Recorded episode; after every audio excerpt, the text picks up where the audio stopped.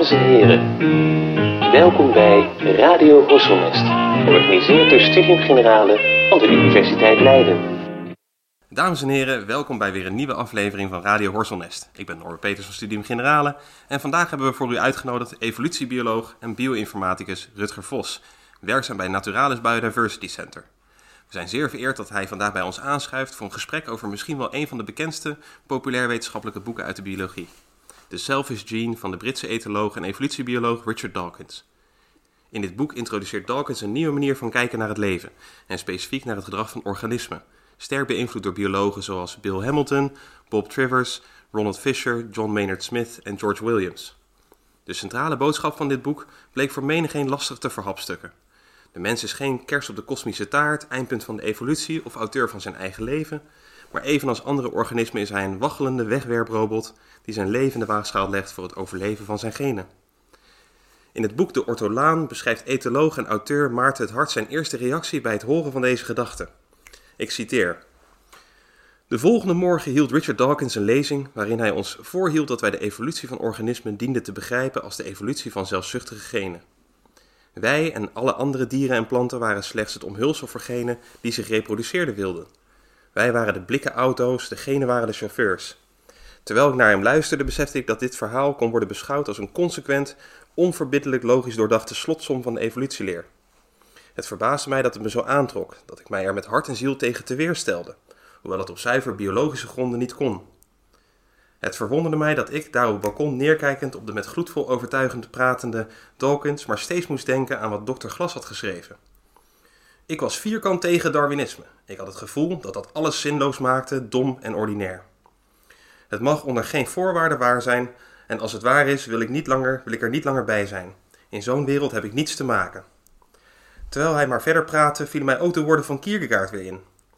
Indien er ten grondslag aan dit alles slechts een wild, gistende macht lag, terwijl ze zich in het duistere hartstochten wentelde, alles voortbracht, zowel het grote als het onbeduidende, wat was het leven dan leeg en troosteloos? En de citaat. Met deze ervaring van nihilisme, deze kleine existentiële crisis, wilde ik de aflevering beginnen. Rutger, welkom. Ja, dankjewel. Dag Norbert. Dat was een lijvige intro. Maar Ja, laat ik meteen heel literair. heel literair verantwoord inderdaad. Maar laat ik direct met de deur in huis vallen. Heeft Maarten het hart gelijk? Kan de zelfvisie nog steeds worden beschouwd, denk je, als een slotsom van, de evolutieleer? Of het sluitstuk van de evolutieleer? Eh, ja. Ja, vind ik wel. Ik eh, moet eh, eerlijk bekennen dat ik me altijd heel erg bewust was van het eh, boek. Volgens mij stond het ook in de, in de boekenkast bij mijn ouders zelfs. En we hebben daar de af, aankomende afgelopen week naar gezocht. Van, hebben, ze- hebben dat nou nog? Maar Ja. niet teruggevonden. Maar in werkelijkheid heb ik het pas nu helemaal doorgelezen in voorbereiding voor deze opname. En wat me opviel is dat het, het geeft gewoon het denken weer in de evolutiebiologie. Dit is eh, een hele goede Dit is een samenvatting samenvatting, ja. van wat we denken of hoe we de wereld zien. Ik vond het een eh, feest van herkenning eh, in feite. om de voorbeelden die hij aanhaalt en de redenaties, de onderliggende hypotheses. Dat, ja, dat is zo, zo zien we gewoon de wereld.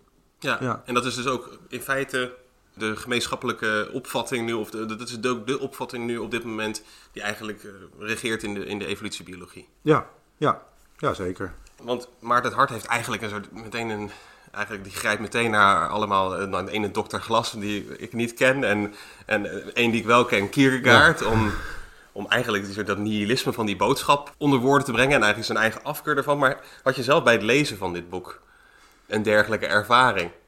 Nou, niet, eh, niet nihilistisch. Ehm dit ene citaat van eh, eh, de robots die bestuurd worden door degene, dat is natuurlijk een citaat dat op heel veel plekken ja, is aangehaald. Dat, dat is ook een van de stukjes waar Dawkins het meest beeldend en literair schrijft eigenlijk, vind ik. Ja, Ik vind het een heel mooi beeld.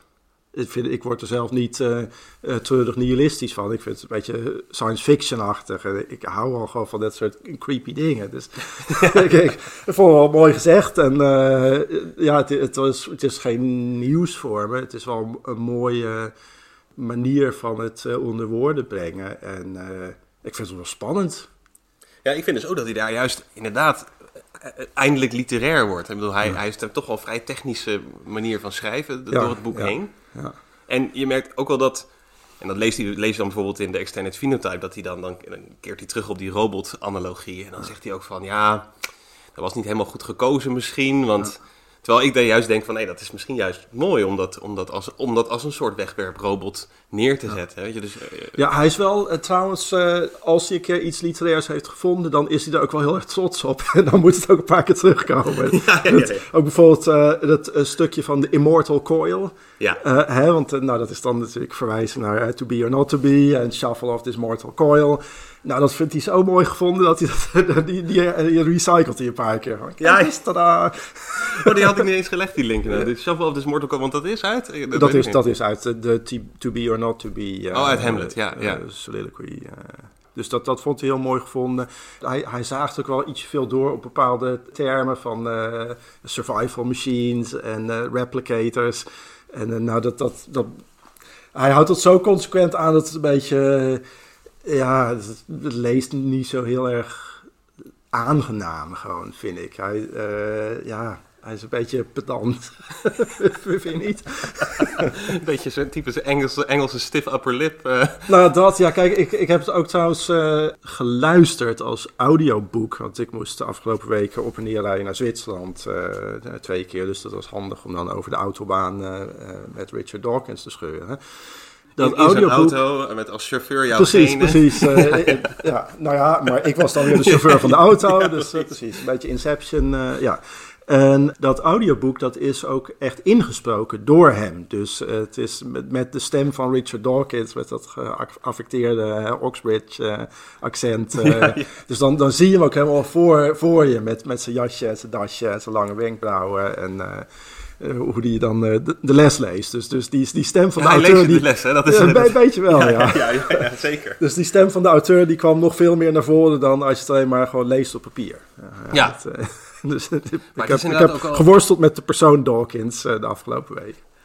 Ja, hij heeft inderdaad. Ik, ik, zou, me- ik kan me niet goed voorstellen dat je dat graag wil. Dat je je eigen boek inspreken. Dat lijkt me Oh, eigenlijk lijkt me zo verschrikkelijk. moeilijk, ja. Ja, Ja, vooral om terug te luisteren. Omdat je dat, dat doe je liever door iemand. Ik, ik zou dat liever laten doen door Stephen Fry of zo. Of iemand die echt Oh, een goede dictie ja. en oh, een dat goede. zou ik, ja, ja, ik had het ook liever nou, heeft door hij ook wel een Fry. vrij formele toon hoor, die die aanslaat. Maar Jawel, maar, maar ik, ik denk dan ook gelijk aan eh, Richard Dawkins van de, de God Delusion-achtige dingen. Hè, en hoe die dan eh, eigenlijk de meest, de meest slechte reclame maakt voor het atheïsme. Door mensen een beetje te kakken zetten, te Ja. zetten. Ja, hij, is, hij, is Ja. geen, hij is geen goede stem voor eh, de, de seculiere de seculariseringsbeweging. Jammer genoeg, want ik vind wel dat hij er gelijk in heeft. Maar hij, eh, ik vind niet dat hij het goed brengt. nee, hij, hij heeft hele goede punten natuurlijk ten aanzien van, van Ja, het is maar het is, niet te ontkennen. Maar, het, Maar hij eh, gaat dan af en toe ook, wordt hij naar, dat, die, naar die, die, pedant, die pedanterie, die zie je dan bijvoorbeeld terug als hij dan in één keer Harry Potter gaat zitten eh, bekritiseren. Dan is het er van, ja, je moet een fantasiewereld, dat leidt alleen maar tot geloof. Hè? Dat leidt alleen maar tot het geloof in, in dingen die niet bestaan en zo. Dan denk je ook van, joh, wat voor wat Ja, voor ik, leven ik ben niet je zo dan fan zo'n- van Harry Potter, maar alle mensen die, niet, die, maar- die, die Harry Potter bekritiseren zijn allemaal op, op hun eigen manier vrij onaangename mensen. En Dat, dat kan zijn vanuit een hele religieuze hoek of vanuit hele woke-achtige eh, eh, kringen eh, of dus dit. Het- ja, dat is een goede lakmoesproef eh, Ja, of, ik, of, of ik iemand wel aardig vind. Ja. Wat, wat vind je van Harry Potter? want eigenlijk als, ah, toen ik het weer, ik, ik, heb het, ik heb het gelezen toen voor mijn bachelor filosofie, dat, wat eigenlijk wat vreemd is, maar toen ik het nu weer teruglas, het is eigenlijk ook wel weer een heel... Je snapt eigenlijk niet zo goed waar de commotie van, van, vandaan komt. En ook zo'n zo'n extreem, toch wel wat nihilistischere gedachte van... Ja, het is allemaal zinloos het leven. Ik vond juist dat het ook een hoopvolle boodschap in Ja. zich droeg. Ja, maar ik, ik heb dat sowieso niet zo. Ik, dat je een wetenschappelijk idee, wat eh, toch vrij abstract is, dat je dat zo op jezelf betrekt. Ja, misschien heb ik daar gewoon niet inlevingsvermogen voor. Maar ik heb dat ook niet met wat, wat ik dan begrijp van eh, bijvoorbeeld de kwantumtheorie of zo. Ja, dat bestaat helemaal niet in mijn dagelijkse werkelijkheid, waar ik naar de Albert Heijn ga en mijn tanden poets. En dat heb ik hier ook niet echt bij. Nee? Dus, eh, Heb je dat niet? Nee. Want dat zegt hij zelf ook eigenlijk de hele tijd. Want eigenlijk gaat hij, de, he- hij komt hele met een verhaal over hoe bepaald gedrag vanuit een genetisch perspectief kan worden begrepen, verklaard. Nou, Maar dan vervolgens zegt hij eigenlijk elke keer aan het eind van het hoofdstuk, of bij, bij veel hoofdstukken, maar het is niet van toepassing op de mens. En het is niet van toepassing op menselijk leven. Het is misschien wel heel herkenbaar voor u, maar hij Ja. staat toch wel wat voorzichtig in of zo. Tenminste, hij, hij, hij is volgens mij gewoon voorzichtig. Nou, ik vond het wel interessant dat, dat brengt ook meer onder woorden in eh, de voorwoorden, dat het misschien eh, niet zo goed viel op het moment dat hij het eerst uitbracht. Hè? In, de, in de jaren zeventig op veel meer een beetje uh, socialistische tijdgeest. Tenminste aan het begin van de jaren zeventig. Ja. En dan ja, dat zelfzuchtige, dat was toch iets minder aangenaam uh, onder de generatie die net uit, uit de jaren zestig kwam. Uh, en vervolgens maakt hij zich dan ook zorgen in hoeverre eigenlijk zijn denken heeft bijgedragen aan de opkomst van het Thatcherisme en dat soort dingen. Dat heb ik daar nou een soort wetenschappelijke onderbouwing onbedoeld aan, aan meegegeven. Terwijl nu zijn volgens mij wij allemaal, dus ook uh, jij en ik, toch veel meer door deze met een soort neoliberaal denken, waarbij we die zelfzuchtigheid logischer vinden of minder eng of zo. Dat is gewoon de tijdgeest nu. Dat dat, is het ook uh... niet een... Want dat is natuurlijk ook... Het is gewoon een, ook een beetje een vervelend woord misschien, zelfzuchtigheid. Hij zegt ja. ook later wel van... Ik had misschien eigenlijk toch een andere titel moeten kiezen. Omdat dat zelfzuchtigheid, dat heeft ook meteen... Uh, vervolgens de consequentie dat mensen daar vervolgens niet bij nadenken. Dat zelfzuchtig gen ja. niet per se wil zeggen dat jij ook als een zelfzuchtige... Uh, nou, dat is natuurlijk dat is precies, uh, dat is precies de kern natuurlijk. En uh, eigenlijk is dat denk ik in het Engels nog lastiger dan in het Nederlands. Want in het Nederlands zou je dan eerder nog kunnen zeggen het zelfzuchtigheidsgen. He, een soort van gen dat codeert voor zelfzuchtigheid. In plaats van het, het zelfzuchtige gen. Daar is het al min of meer duidelijk dat je bedoelt dat dat, dat gen vanuit zijn eigen logica voor, voor replicatie handelt of daarop is geselecteerd. En in Engels, als je zegt the selfish gene, ja, dat, dat kan betekenen dat het, het gen selfish is, maar dat kan ook zeg maar, betekenen dat het self, selfishness codeert. Ja, precies. He, dus, dus dat is in het Engels nog net iets ingewikkelder dan in het Nederlands. Uh, en hij blijft daar natuurlijk ook zelf een beetje in het midden over. Dat hij ook zegt van ja, uiteindelijk is natuurlijk dat organisme ook heel vaak zelfzuchtig. Omdat ja. nou eenmaal dat organisme een tijd moet overleven en, en ook... Um, ja, maar dat, dat, vind ik. Uh, ik vind het apart dat hij dat. Hij is eigenlijk een vraag aan het beantwoorden in het boek. Over de, helft van het, van het boek. En hij brengt die vraag nooit onder woorden. De, de vraag is: ja, maar als nou uh, genen zelfzuchtig handelen. en dus misschien ook voor zelfzuchtigheid coderen in het individu. waarom bestaat altruïsme dan überhaupt? Nou, en dat beantwoordt hij natuurlijk, hè, de kind selection en uh, speltheoretische uh, dingen. Maar hij stelt die vraag nooit. En op een gegeven moment is hij ook uh, in het boek op, een bepaald stukje bijna een beetje bozig van ja, maar hoe komt het nou dat, en dat is een andere auteur, ik weet niet meer welke, waar die aanhaalt, ja, in een bepaalde figuur, een bepaald boek, wordt dan kind selection als een soort subcategorie van group selection voorgesteld. Ja. En zegt, ja, maar dat kan helemaal niet, want uh, de, uh, kindselectie is gewoon een consequentie van uh. Dus waarom schaar je dat nou daaronder? Maar de, de logica is natuurlijk dat het gaat in dat geval in die categorisering over het altruïsme. Group selection was zeg maar ja, want laten we inderdaad die term, even uitleggen. Ja, want dat is inderdaad... Even, um, dat, is eigenlijk, dat is eigenlijk de grote antagonist van dit boek, is eigenlijk groepselectie. Ja, ja. Voor een deel uh, ook het, het, het, meer Darwinistische beeld van het individu als eenheid van variatie en selectie. Ja, ja, ja. Wat wordt uh, het, wa het was ooit zo in, in de, de kwade oude tijd dat er bijvoorbeeld in de natuurdocumentaires dan werd gezegd dat uh, de gazelle op de savanne handelt ten behoeve van het voortbestaan van de soort. He, we gaan uh, met z'n allen uh, migreren of we planten ons voort of we proberen de leeuw te ontlopen voor het voortbestaan van de soort. Terwijl, ja, wat kan jou die soort schelen als individu? Helemaal niks. He, die dieren die handelen voor het voortbestaan van hun genen. Maar het idee van het voortbestaan van de soort, dat wordt dan group selection genoemd. En nou, dat is een soort kwade vijand voor evolutiebiologen. Want dat, logischerwijs als je doorredeneert over genen en genselectie, dan is group selection, groepselectie niet mogelijk of zeg maar in, incoherent. Terwijl er het een tijdje best wel uh, geloofwaardig leek. En er zijn ook wel aardige boeken waar hij toch redelijk respectvol over schrijft. En, uh, even kijken. Ja, van Lorenz in ieder, ja, in ieder geval. En Wayne Edwards. Ja, Wayne Edwards. Uh, hè, dat er toch wel mooi uitgewerkte voorbeelden van ja, misschien is het wel zo bij bepaalde voortplantingssystemen dat uh, uh, alle individuen bij elkaar samenkomen in een Ja. soort lek. Ja. Om dan te kijken, oké, wat is nou de populatiedichtheid en zijn we niet met te veel? En als we met te veel zijn, dan is het misschien beter om dit jaar wat minder kindjes te krijgen, want dan houden we eh, de voedselvoorraad. Ja, dat zegt hij dan inderdaad. Als controle. zwaluwen bij elkaar zouden komen en van die murmurations, dan zouden ze eigenlijk kijken naar hoe groot is die populatie. Ja, de functie is eigenlijk dan om te kijken hoe, hoe groot de populatie is. En nou goed, dat, dat waarnemen, dat, dat, dat kan misschien best soort adaptief zijn, maar dan voor, en, hè, dat, dat, dat zou je dan doen om eigenlijk dan te kunnen bepalen dat we met z'n allen een soort één kindbeleid eh, gaan voeren dit jaar. Eh, terwijl dat, dat is niet evolutionair stabiel, want als jij die ene ASO bent die is eentje twee kindjes krijgt, dan gaat natuurlijk dat ASO-gen zich verspreiden door de populatie. Ja. Dus Ja. daarom kan group selection niet bestaan.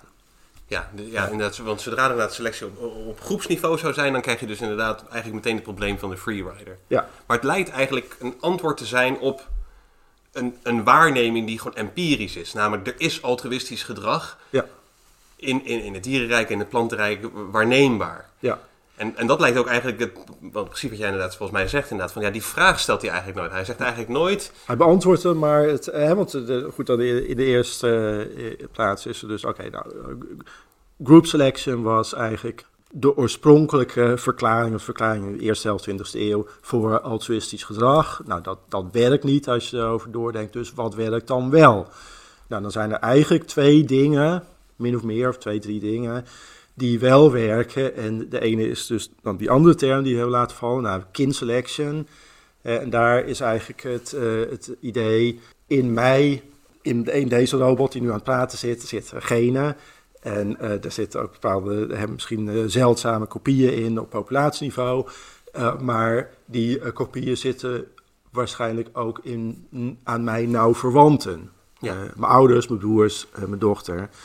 Ja, dat zegt hij op Eh. een gegeven moment ook, het gen is geen, niet dat fysieke stukje eh, DNA, maar is al zijn kopieën. Ja, in de verschillende eh, lichamen en in, in het genenbestand of zo'n zo genepool-achtig. Ja, eh, een individueel gen kan het in principe niks schelen in welk individu het zich manifesteert. Dat kan in mij zijn of in eh, de andere dragers van dat gen. En dus is er een soort eh, logica dat je zou verwachten dat, het, eh, dat de evolutie leidt tot genen die ervoor zorgen dat jij aardig bent tegen jouw nauw verwanten en daar altruïstisch tegen bent. Hè? Dus eh, ouders die eh, offeren zich op voor hun kinderen, omdat die kopieën van hunzelf, die genkopieën, ook in hun kinderen rondwandelen. En bovendien zijn die kinderen, nou die hebben nog een heel leven voor zich, die kunnen zich ook weer voortplanten. Dus is het lonend om, om je daarvoor op te offeren. En er zit dan een hele ook een zo- soort eh, wiskunde achter, hè, uitgewerkt door Bill Hamilton. Van ja, maar wat is dan de verwantschap gemiddeld? Of, Ja. of, eh, eh, Ja, precies, want Bill zin. Hamilton speelt daar eigenlijk een, een, een sleutelrol, toch? Ja. In, in, dat, in dat argument. Want eigenlijk zou je inderdaad op een, op een soort...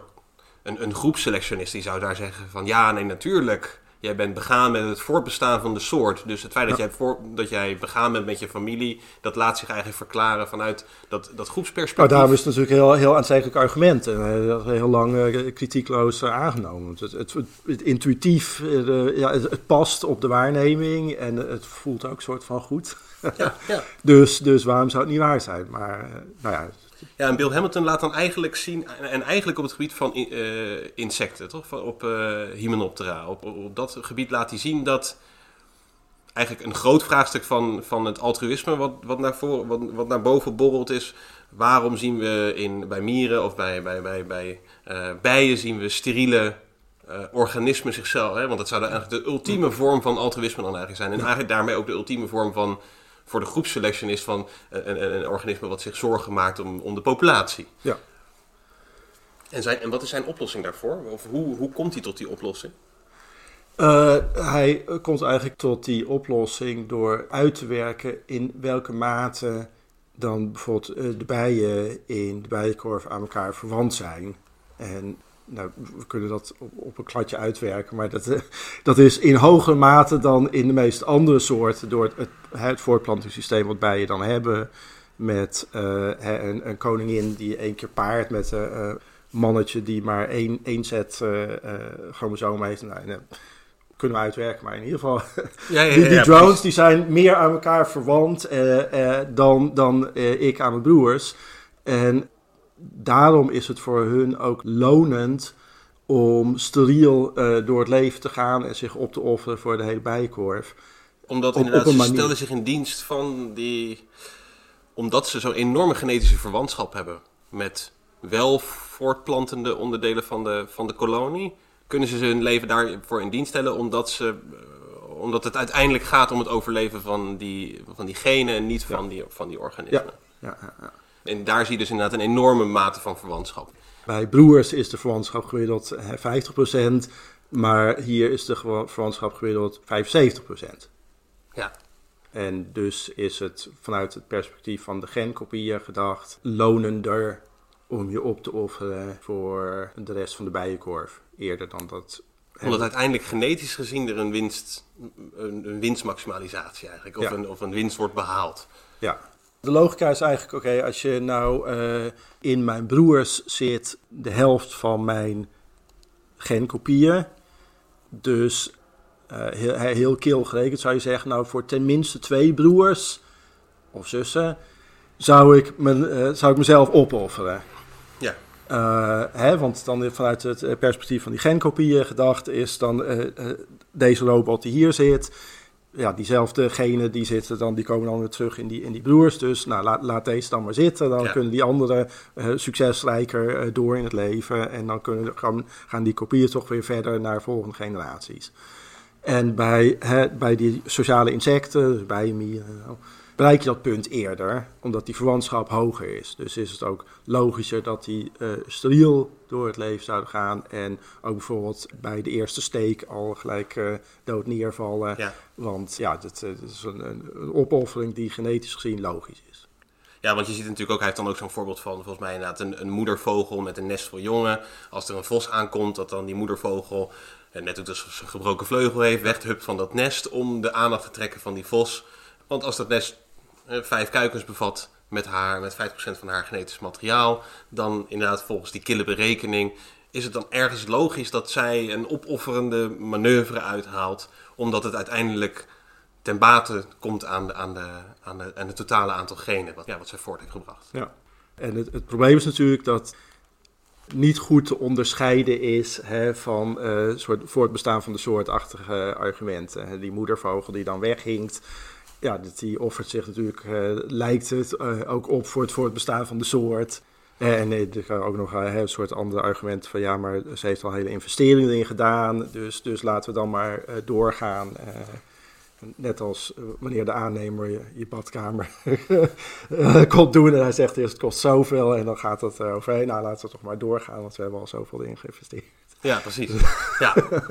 Maar daarmee geeft het wel een, eigenlijk een grond voor ethiek. Daarom zou, je, zou ik het alsnog een, een, een hoopvol boek noemen. En zou je zelfs kunnen zeggen dat het... Ik zat op een gegeven moment een beetje te grappen tegen mijn vriendin... dat je eigenlijk ook de titel eraan zou kunnen geven... De meeste mensen deugen.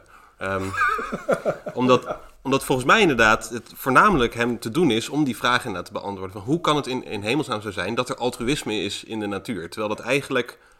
Dat groepsselectie, dat, laat, dat, dat, heeft allemaal, dat draagt allemaal fouten in zich eigenlijk. Of dat, dat, dat is eigenlijk een, een, een soort reductie ad absurdum, eh, maakt hij daar op een gegeven moment ook van. En dan is het mogelijk logisch, vooral ook omdat het wordt aangedragen door zijn grote held Darwin, om het individu te nemen als uitgangspunt. Alleen daar worstelt volgens mij Darwin ook al mee, dat je dan hebt dat dat individu vaak zijn leven in de waagschaal legt, eh, zonder daar zelf wat aan te, eh, te lijken te hebben. Ja. En voor de filosofie is dat altijd een aanleiding geweest om aan te nemen dat ethiek een hele bijzondere speciale status heeft. Je ziet eigenlijk dat, dat een groot deel van de filosofische geschiedenis men zich bezighoudt met de vraag hoe moet ik handelen? Ehm, zodat mijn handelen inderdaad in dienst staat van, van het voortbestaan van de, van de menselijke soort, maar ook eh, in, in dienst staat van anderen. Eh, en is eigenlijk altijd zelfzuchtigheid hetgene geweest waar, je juist tegen moet acteren. Ehm, Ja, maar dus, dus, dan is eigenlijk het, de, de andere helft van de verklaring, de- nog steeds eh, de, vraag, Richard Dawkins probeert de vraag te beantwoorden, waarom zien we dan altruïsme? Nou, eh, één eh, argument is dus de, de kin selection en eh, eigenlijk daar een beetje aan verwant zijn eh Greenbeard-achtige eh, redenaties. Bier? Ja, daar kunnen we nog op terugkomen. ja, ja, ja. Ehm, en de andere helft van de verklaring is dus eigenlijk meer vanuit een speltheoretische eh, redenatie. Je, je hoeft niet per se aan elkaar verwant te zijn. Je kan ook gewoon met z'n tweeën sociaal handelen, omdat dat nou eenmaal lonender is. Dan dat niet doen. Dan dat niet doen. En eh, dan werkt het helemaal uit hoe dat dan eh, werkt met Prisoners Dilemma-achtige scenario's. En eh, heel lang en ook wel aardig stuk over hoe dat dan ook met, eh, in de computer al is getest met verschillende strategieën. Van hoe moet je nou handelen? En je kan best wel beargumenteren dat het goed is om sociaal of soort van altruïstisch te handelen, omdat dat voor jouzelf lonend is. En dat, dat is natuurlijk precies een soort argument dat het eh, met de huidige tijdgeest heel erg goed doet. Bijna een soort Ayn Rand-achtig argument van als we nou allemaal vanuit onze zelfzuchtigheid handelen, dan zijn er misschien best wel scenario's waarin dat voor onszelf lonend is en uiteindelijk voor anderen ook. En daarom is zelfzuchtigheid eigenlijk helemaal niet erg. Greed is good, hè? een soort eh, Gordon Gekko-achtig eh, ja. achtig, eh, redenatie. ehm. Maar die wederkerige, of dat wederkerige altruïsme.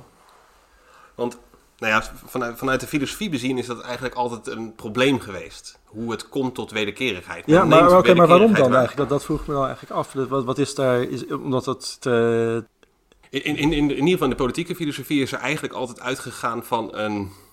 Zeker als je Hobbes volgt, van een natuurtoestand. Als je dan een natuurtoestand hebt, dat in die natuurtoestand de mens zelfzuchtig is. En zelfs- nature red in tooth and claw. Ja, dat is dan van, dat is van Tennyson. Maar hij heeft eigenlijk hè, dat hij beschrijft van. Hij neemt een, hij neemt een situatie om, om uit te leggen hoe het komt tot een staat. Ja. Haalt hij een natuurtoestand aan. Het is niet helemaal duidelijk of dat ook een daadwerkelijke toestand is. Hij Ja, vergelijkt oh, het op ja, een gegeven moment wel met. na- nasty, brutish en short. eh, Ja, nasty, Eh, brutish en short. Inderdaad, dat zou het leven dan zijn, want er zou een, een, een, een eh, law of nature gelden, namelijk zelfbehoud. Men doet, staat alles in het teken van zelfbehoud. En daardoor is uiteindelijk het leven kort en, en vervelend enzovoort. Want je komt al snel natuurlijk achter dat er een soort schaarste is en een competitie daar, die daaruit voortkomt. En zo is ook Hobbes wel vaak gelezen in een, later in een wat Darwinistisch licht. En voor Hobbes is het eigenlijk niet duidelijk hoe het kan komen tot die wederkerigheid. Tot, dat- tot, die, tot dat wederkerige altruïsme. Hij zegt op een gegeven moment ook, boven een wederkerige handeling moet eigenlijk een zwaard hangen. Ja. Er moet eigenlijk een zwaard van de staat hangen om te vo- voorkomen dat er een freerider eigenlijk opkomt. Hè? Dus eigenlijk om te voorkomen dat de, de, de, reciprociteit wordt doorbroken door gewoon een zelfzuchtig eh, ge- geïnspireerd individu, moet je een, een, nou ja, mo- moet je als het ware die, die handeling dus van bovenaf met macht, als het ware zo, zo orchestreren dat, dat daadwerkelijk die reciprociteit kan plaatsvinden. Maar je ziet het ook later in de, in de, in de antropologie. Bijvoorbeeld eh, Moos schrijft daarover in, in, eh, in eh, Essay sur le don, het essay over de gift. Waarin hij ook te geven en de wederkerigheid eigenlijk neemt als cultureel stichtend punt. En wat ons uit die natuurtoestand als het ware zou trekken van zelfzuchtigheid, zou de mens in staat zijn tot, een, tot, een vorm, tot vormen van wederkerigheid. En daarin zie je ook een soort intermenselijkheid. Dus als, als Darwin bij de vuurlanders aankomt, dan merkt hij die intermenselijkheid, want hij kan meteen handelen met ze. Hij kan meteen die wederkerige relatie aangaan met ze. En het was daarom eigenlijk nooit duidelijk waar, waar komt die wederkerigheid nou vandaan. Is dat inderdaad een specifiek menselijke kwaliteit? Is het een kwaliteit die eigenlijk, zoals Hobbes zegt, eigenlijk alleen maar voortkomt uit het feit dat jij je onderwerpt aan een, een, een soort totalitaire staat? Of kan je het natuurlijk verklaren? En ik heb het in ieder geval destijds gelezen, omdat Dawkins eigenlijk een verklaring geeft voor de opkomst van die wederkerigheid, zonder dat je, om in, in Dennett's termen te spreken, een skyhook nodig hebt om dat te verklaren. Je hebt eigenlijk niet een soort bovennatuurlijke deus ex machina nodig om te zeggen hoe het tot die wederkerigheid komt. Nee, je kan eigenlijk zeggen, nee, die wederkerigheid die komt wel degelijk op, maar op een inderdaad meer speltheoretische manier. Namelijk uiteindelijk is herhaaldelijke confrontatie met iemand kan ook leiden tot, tot herhaaldelijke wederkerigheid. Eh, omdat je inderdaad uiteindelijk op de langere termijn, je ziet dat er ook allemaal voorwaarden aan verbonden zijn. En je moet een geheugen hebben, je moet de anderen kunnen herkennen, er moet herhaaldelijke interactie zijn, enzovoort enzoverder. Maar dan kan je wel degelijk komen tot die wederkerigheid. En dan laat daarmee eigenlijk die, die moraliteit zich naturalistisch verklaren. Dat is wat wat ik bedoel ook als ik zeg dat het, dat het daarom voor mij bijvoorbeeld inderdaad een hoopvol boek is. Omdat je, Ja. je hoeft eigenlijk niet inderdaad je uitvlucht te zoeken in een vreemde redenering. Maar je kan eigenlijk op, eigenlijk op basis van vrij simpele regels... kan je uitleggen hoe er niet alleen bij mensen, maar ook bij dieren en planten... vormen van symbiose kunnen opkomen, vormen van wederkerigheid kunnen opkomen... Waar die voor beide lonend is. Ja. Dat, dat weet je natuurlijk beter als, als filosoof, maar dat, de Hobbes, dat is geloof ik de Leviathan. Uh, Hobbes is inderdaad van de, uh, Thomas Hobbes is van de Leviathan, ja, ja. dat had ik misschien even moeten zeggen. Maar die schrijft inderdaad de Leviathan. Een monster die dan uh, de, de, regels oplegt. Hè. En dat is natuurlijk een hele, dat gaan we misschien een beetje buiten, buiten, de, buiten ons boekje. maar ehm, dat is natuurlijk ook het grote probleem geweest voor de politieke ideologieën van de 20e eeuw. Hè. De, hoe zorg je nou voor dat mensen sociaal handelen. De evolutiebiologie is daar ook een soort speelbal in geweest. Hè. In de Sovjet-Unie was het natuurlijk een groot probleem. Dus uh, de, de evolutiebiologen, zoals uh, Vavilov, dat mocht allemaal niet van Stalin.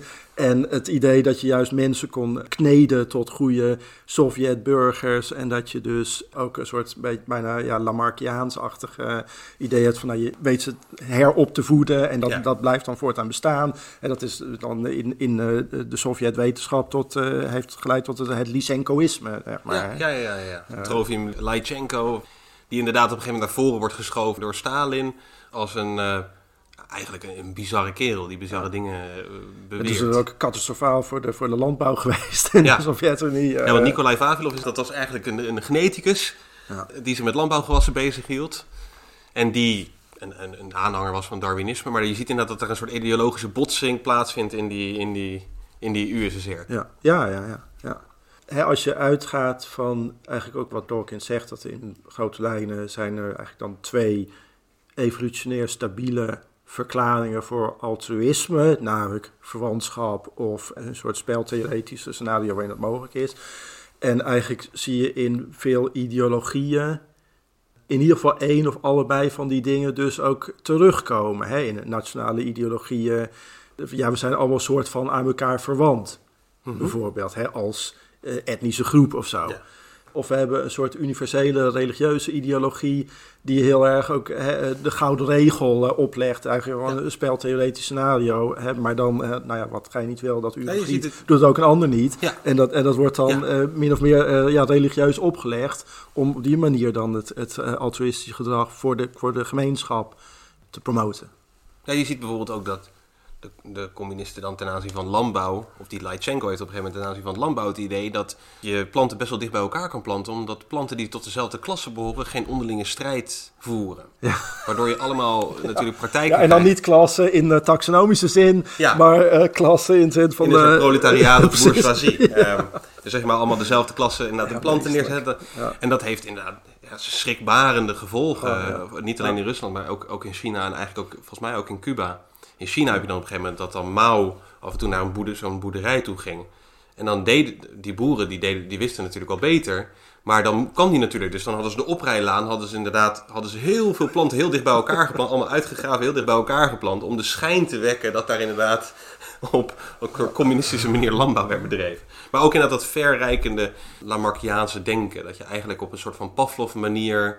Bijvoorbeeld de gedachte was dan als je heel diep ploegt... dan gaat die plant zich ook dieper wortelen, Ja. automatisch. Ja. En bijna inderdaad als een soort trainen van eh, planten om zich eh, aan hun omgeving eh, aan te passen. Op, Ja. een, op een veel directere, nurture-achtige manier. Ja. Dan ook even een term om uit te leggen. Ik net het even liet vallen, Lamarckiaans. Ja, Dat mag ook niet van de evolutiebiologie. Hè? Dus daar is het idee nee, nee. hè, dat je tijdens het leven bepaalde eigenschappen kan aanleren die je dan doorgeeft aan de volgende generatie. Hè? Als ik nou maar heel erg bezig ga met gewicht heffen, dan wordt mijn dochter heel sterk. Nou, Ja, dat, dat, dat, ja. dat is niet zo. Dus Ja, of als je maar lang genoeg die nek uitrekt, inderdaad, dan, eh, dan- generatie dan- na generatie. dan Dan, worden we geleidelijk aan giraffen. Dus als we allemaal maar ons best doen, dan krijgen we steeds langere nekken. Ja. Eh, nou, en dat, dat is een eh, idee dat eh, in eerste instantie door Lamarck eh, was uitgewerkt net voor Darwin. En dus daar noemen we dat Lamarckiaans en dat werkt niet. nee. Eh, verandering in fenotype, dat eh, komt eigenlijk door veranderingen in, in, in genotypen. En eh, nou, waar komt dan die variatie in genotype vandaan en waarop wordt geselecteerd? Nou, dat is de grote vraag van de evolutiebiologie. Maar het is in ieder geval niet iets wat je kan aanleren tijdens het leven. Nee. En trouwens, dat, wat ik trouwens wel eigenlijk een probleem vind voor evolutiebiologie, of iets waar we onszelf schade mee toebrengen als evolutiebiologen, is dat er toch op een aantal punten dit soort dingen op een bijna religieuze manier gesteld worden. Bijvoorbeeld, we hebben het hier dan over het centrale dogma van uh, de genetica. Uh, eigenlijk gaat het, centrale dogma over dat de informatiestroom, die gaat altijd vanuit de celkern, waar dan het DNA zit, gaan eigenlijk de instructies naar buiten toe. Hè, Dus uh, naar transcriptie uh, van het DNA naar uh, RNA en dan translatie naar eiwitten. En die eiwitten die zorgen dan voor het fenotype. En er gaat nooit eigenlijk informatie van buiten naar binnen in de celkern. of nou ja, misschien een beetje ja, dat is eenrichtingsverkeer. Van, dus van, de gen uit... regulatie. Maar, mm -hmm. Ja, maar dus dat het eenrichtingsverkeer is, dat is eigenlijk het, het centrale dogma. Maar dat je dat het, het centrale dogma noemt, dat is natuurlijk niet zo handig. Uh, of niet zo handig. Dat, dat, ik vind dat bijna, ik vind dat een soort van onwetenschappelijk. Ja. En wat Dawkins ook in het boek een aantal keer zegt, ja, ik heb het nu over de orthodoxe uh, evolutie. Uh, nou, dat vindt hij goed, dat het orthodox is. Nou, ik weet niet of, of ja, orthodox nou een term is die je dan in de mond wil nemen als je jezelf zo'n voorvechter vindt van de secularisatie. Maar dat is denk ik sowieso natuurlijk het gevaar. Is, en dat zie je op een gegeven moment ook later in het boek we gaan het nog over memen hebben, maar in dat hoofdstuk over memen, daar zegt hij dan op een gegeven moment ook van ja, eigenlijk is dat Darwinisme gewoon universeel. Eigenlijk is dat, heeft dat Darwinisme een universele aanspraak. Dus als ik ergens op een andere planeet leven tegenkom, dan kan ik er in ieder geval van uitgaan, want ondanks dat dat leven heel erg anders georganiseerd kan zijn, met hele andere moleculen en, en, en wat dan niet meer, dat daar wel een soort Darwinisme aan ten grondslag ligt. Je ziet natuurlijk wel dat alles wat hem verschijnt, verschijnt hem in het licht van dat Darwinisme. Ja. Nou, en dat, dat vind ik trouwens ook een probleem hoor, dat we het uh, Darwinisme noemen. Ja, ja ik hou daar is niet een van. probleem? Uh, omdat, ik vind uh, dat, omdat dan het wordt het zo'n soort ideologisch uh, iets, net als hmm. Marxisme of zo. Ja, het, het is gewoon evolutiebiologie en Darwin heeft daar bepaalde grote inzichten in gehad. Maar we zijn geen aanhangers van Darwin. Nee. En, en het wordt eerder onwetenschappelijk als je een soort uh, aanhanger in de zin van dat mensen bijvoorbeeld Freudianen zijn of, of Jungiaans ja. of zo. Nou, ik, wil geen Darwinist zijn in die zin. Met een beeldje van Darwin en oh, wat heeft hij nou weer in zijn dagboek geschreven. En... Ik dacht even dat je vooral ook een probleem had met dat Wallace wordt niet wordt genoemd. Maar dat, dat nou, dat ook. dat ook Precies, ja, nou, daar, daar ga je al. Ja. Ja. Precies, Engels die wordt ook ontzettend achtergesteld ten opzichte van Marx. Dat is ook heel zielig. Ja, ja precies. Dat toch best wel een grote bijdrage heeft geleverd. Maar inderdaad, jij, je zegt inderdaad, dat heeft, dat heeft iets orthodox aan zich eigenlijk. Ja, iets die, ideologisch. Die een, ja, die een, dat eenrichtingsverkeer, hè, inderdaad, van gen tot, tot, tot, tot het fenotype en het uitgebreide fenotype, dat heeft... Nou, je, waarom want, zou je dat niet gewoon er... het centraal model noemen? Of zo? Ja. Het is gewoon een model. En zijn te zeggen, het is een dogma, ja, dat, is, dat klinkt vrij katholiek, vind ik. Ja, omdat daarmee eigenlijk ook de, de, de falsificatie gewoon toch, toch, ja. toch eigenlijk op de, op de schroothoop gaat. Dat je, ja. je, je, je, je, stelt je niet meer open voor mogelijke dingen die daar tegenin zijn. Zijn ja. er dingen die er tegenin gaan? Tegen, deze, tegen dit eenrichtingsverkeer? Je hebt bijvoorbeeld wel het neo-Lamarckiaanse, waarin men toch probeert aannemelijk te maken dat de handelingen van je ouders wel op een bepaalde manier de expressie van genetisch materiaal beïnvloeden precies, daar zijn bepaalde voorbeeldjes van. Dat gaat geloof ik via methylatie. Hè? Dat uh, genregulatie die tijdens het leven door bepaalde omstandigheden, bijvoorbeeld de hongerwinter, uh, zijn ontstaan, dat je dat wel doorgeeft aan de volgende generatie. En, en juist omdat dat, dat zo dat niet mag van de evolutiebiologie, is dat dus een heel aantrekkelijk iets om naar te kijken. Terwijl ja, het, kan natuurlijk best adaptief zijn als bepaalde genregulatie naar de eerstvolgende generatie wordt, wordt doorgegeven. Ja, en dat het dus toch een kleine mogelijkheid is dat er wel degelijk ook iets van verkeer de andere kant uh, ja. op is. Ja. En wat mij betreft, dus daarom vind ik dus centraal dogma zo'n slechte term. Dat is gelijk, uh, ja, dan is, dan is dit dus gelijk ketterij. Terwijl voor mij mag het best.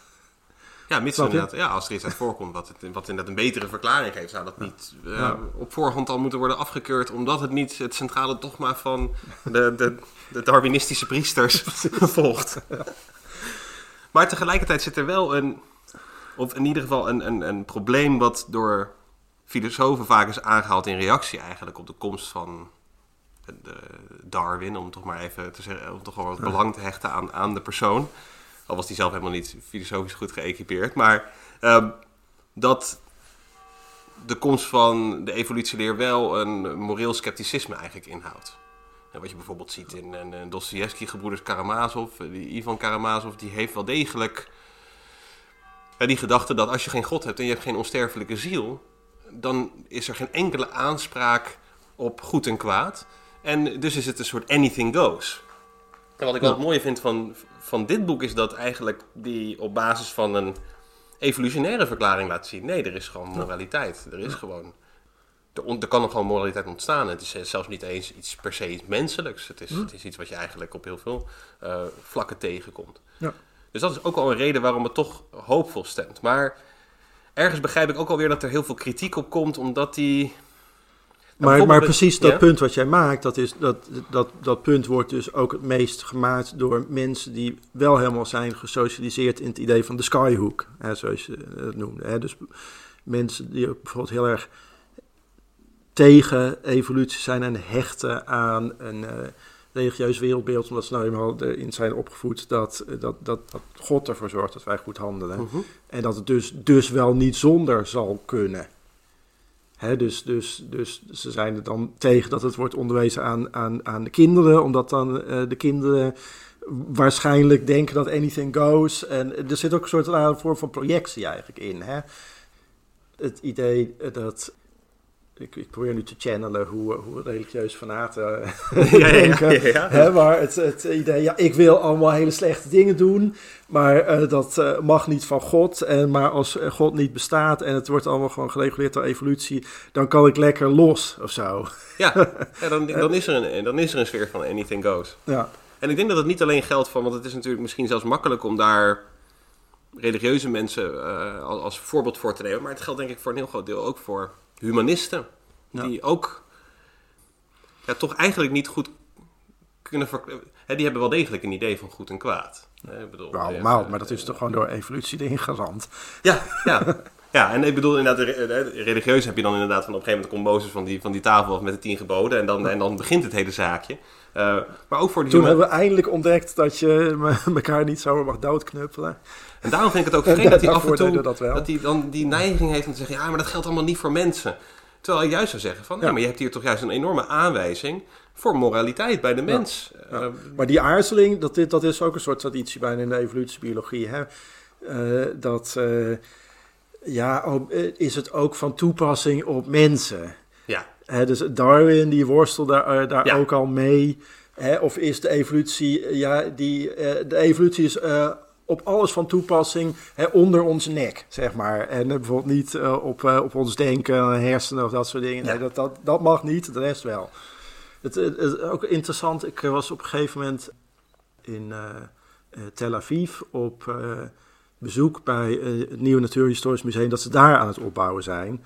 En nou is de universiteit, daar al, al seculiere mensen.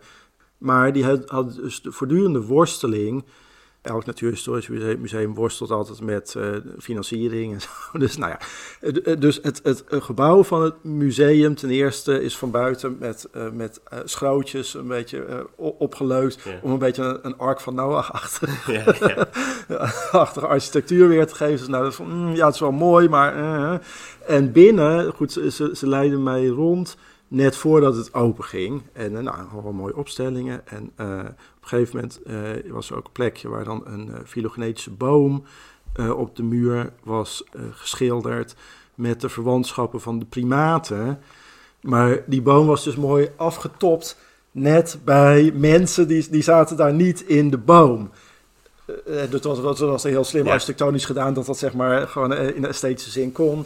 En dat, dat was dus de, de persoon die mij rondleidde, die legde ook uit, ja, dat is natuurlijk, we hebben een beetje het probleem dat de boom van het leven, dat is op zich een mooi concept ook binnen het jodendom, ook binnen het kabbalisme, et Chaim, de, de boom van het leven. Dus dat is wel aardig voor het publiek als we dat er zo ook in, in konden zetten. Dus daarnaast stond ook dan Tree of Life en daaronder in het Hebreeuws uh, et Chaim. Nou, mooi. Ja. Maar als we daar mensen in evolutionaire zin inzetten, dan krijgen we natuurlijk problemen met de ultra-orthodoxen. En die worden politiek steeds invloedrijker. Dus dat, uh, nou ja, een beetje de kool en de geit sparen om uh, wel dat Om concept te kunnen te hanteren, ja. maar niet te veel in de problemen te komen. Want het is nou eenmaal schippen met, eh, ja, een museum is kostbaar en we willen wel zorgen dat we niet eh, politieke problemen krijgen, of protesten voor de deur. Ja. Dus dan doen we het maar zo.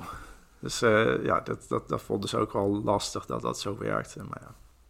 Ja, dat is inderdaad. Een, een, een- ja, en dat merk je dus zelfs niet alleen dus inderdaad. eh, eh, in, op een plek waar inderdaad men probeert eh, die, iedereen, te, of iedereen tevreden te, te, te stemmen. Maar inderdaad ook bij een Darwin die natuurlijk gewoon ja, geen tijd besteedt aan de mens in de Origin of. Species. Terwijl, Nee, ergens tegen het eind zegt hij wel iets van... ja, er zijn natuurlijk ook wel implicaties voor mensen waarschijnlijk. Ja. ja, dat neem ik, neem ik... Ik weet niet precies hoe hij dat formuleert... maar dat eh, laat hij even ja, midden. de, Dat- evolutie dat zou licht schijnen op Ja. de menselijke, Ja, ja, ja. oh, menselijke geschiedenis en de menselijke psyche volgens mij ook. Ja. En dan zie je daarna natuurlijk eigenlijk een worsteling die hij ook had met die Origin of Species. Dat hij er zo ontzettend lang over deed om dat, om dat toch eigenlijk te durven publiceren. Dat je daarna met The Descent of Man een, eenzelfde...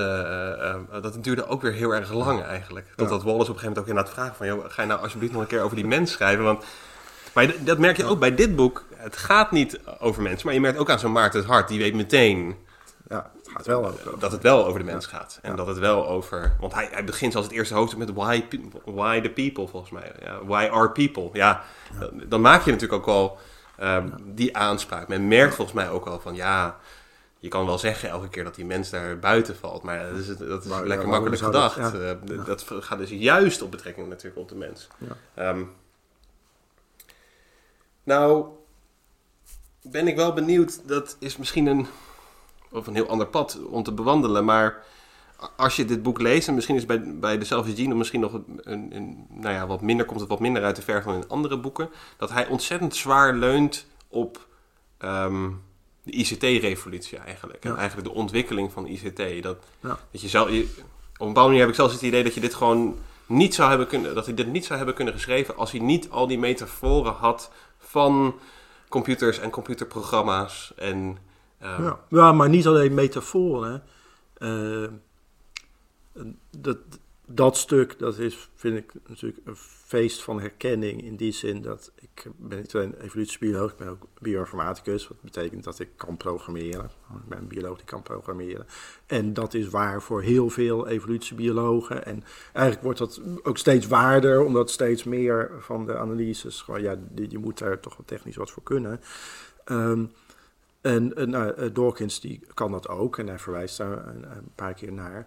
Ehm, en het, eh, binnen, eh, als je eh, je, al- algoritmes kan implementeren, dan kan je dus ook bijvoorbeeld genetische algoritmes en eh, evolutionaire algoritmes implementeren. Die zijn niet alleen een, een metafoor, die gebruiken echt het principe van natuurlijke selectie en, en overerfbare variatie om bijvoorbeeld tot nieuwe oplossingen te komen. Ja, kan je daar een voorbeeld van geven? Eh, Ja, ik, nou, ik, kan, ik kan twee voorbeelden geven. Eh, ik heb voor eh, het onderwijs heb ik eh, eh, op een gegeven moment evolutie ge- geïmplementeerd op een soort eh, eh, schermpje op een canvas. Hè. De- de- je hebt eh, ja, eh, balletjes die zich bewegen over een scherm en die planten zich voort. En die hebben eh, de, op, op het scherm is, is wat kleurvlakken met verschillende kleuren. En die balletjes verplaatsen zich over het scherm. En die gaan van generatie tot generatie. En elke keer muteert hun kleur een klein beetje.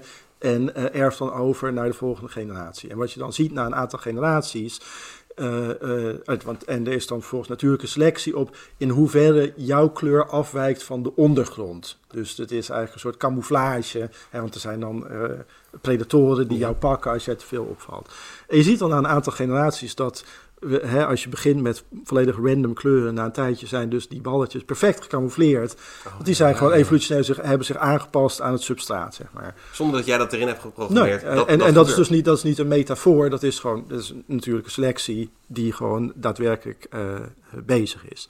Nou, dat, dat was dan een beetje een, een onderwijsdingetje, maar een, een tweede was daadwerkelijk toegepast.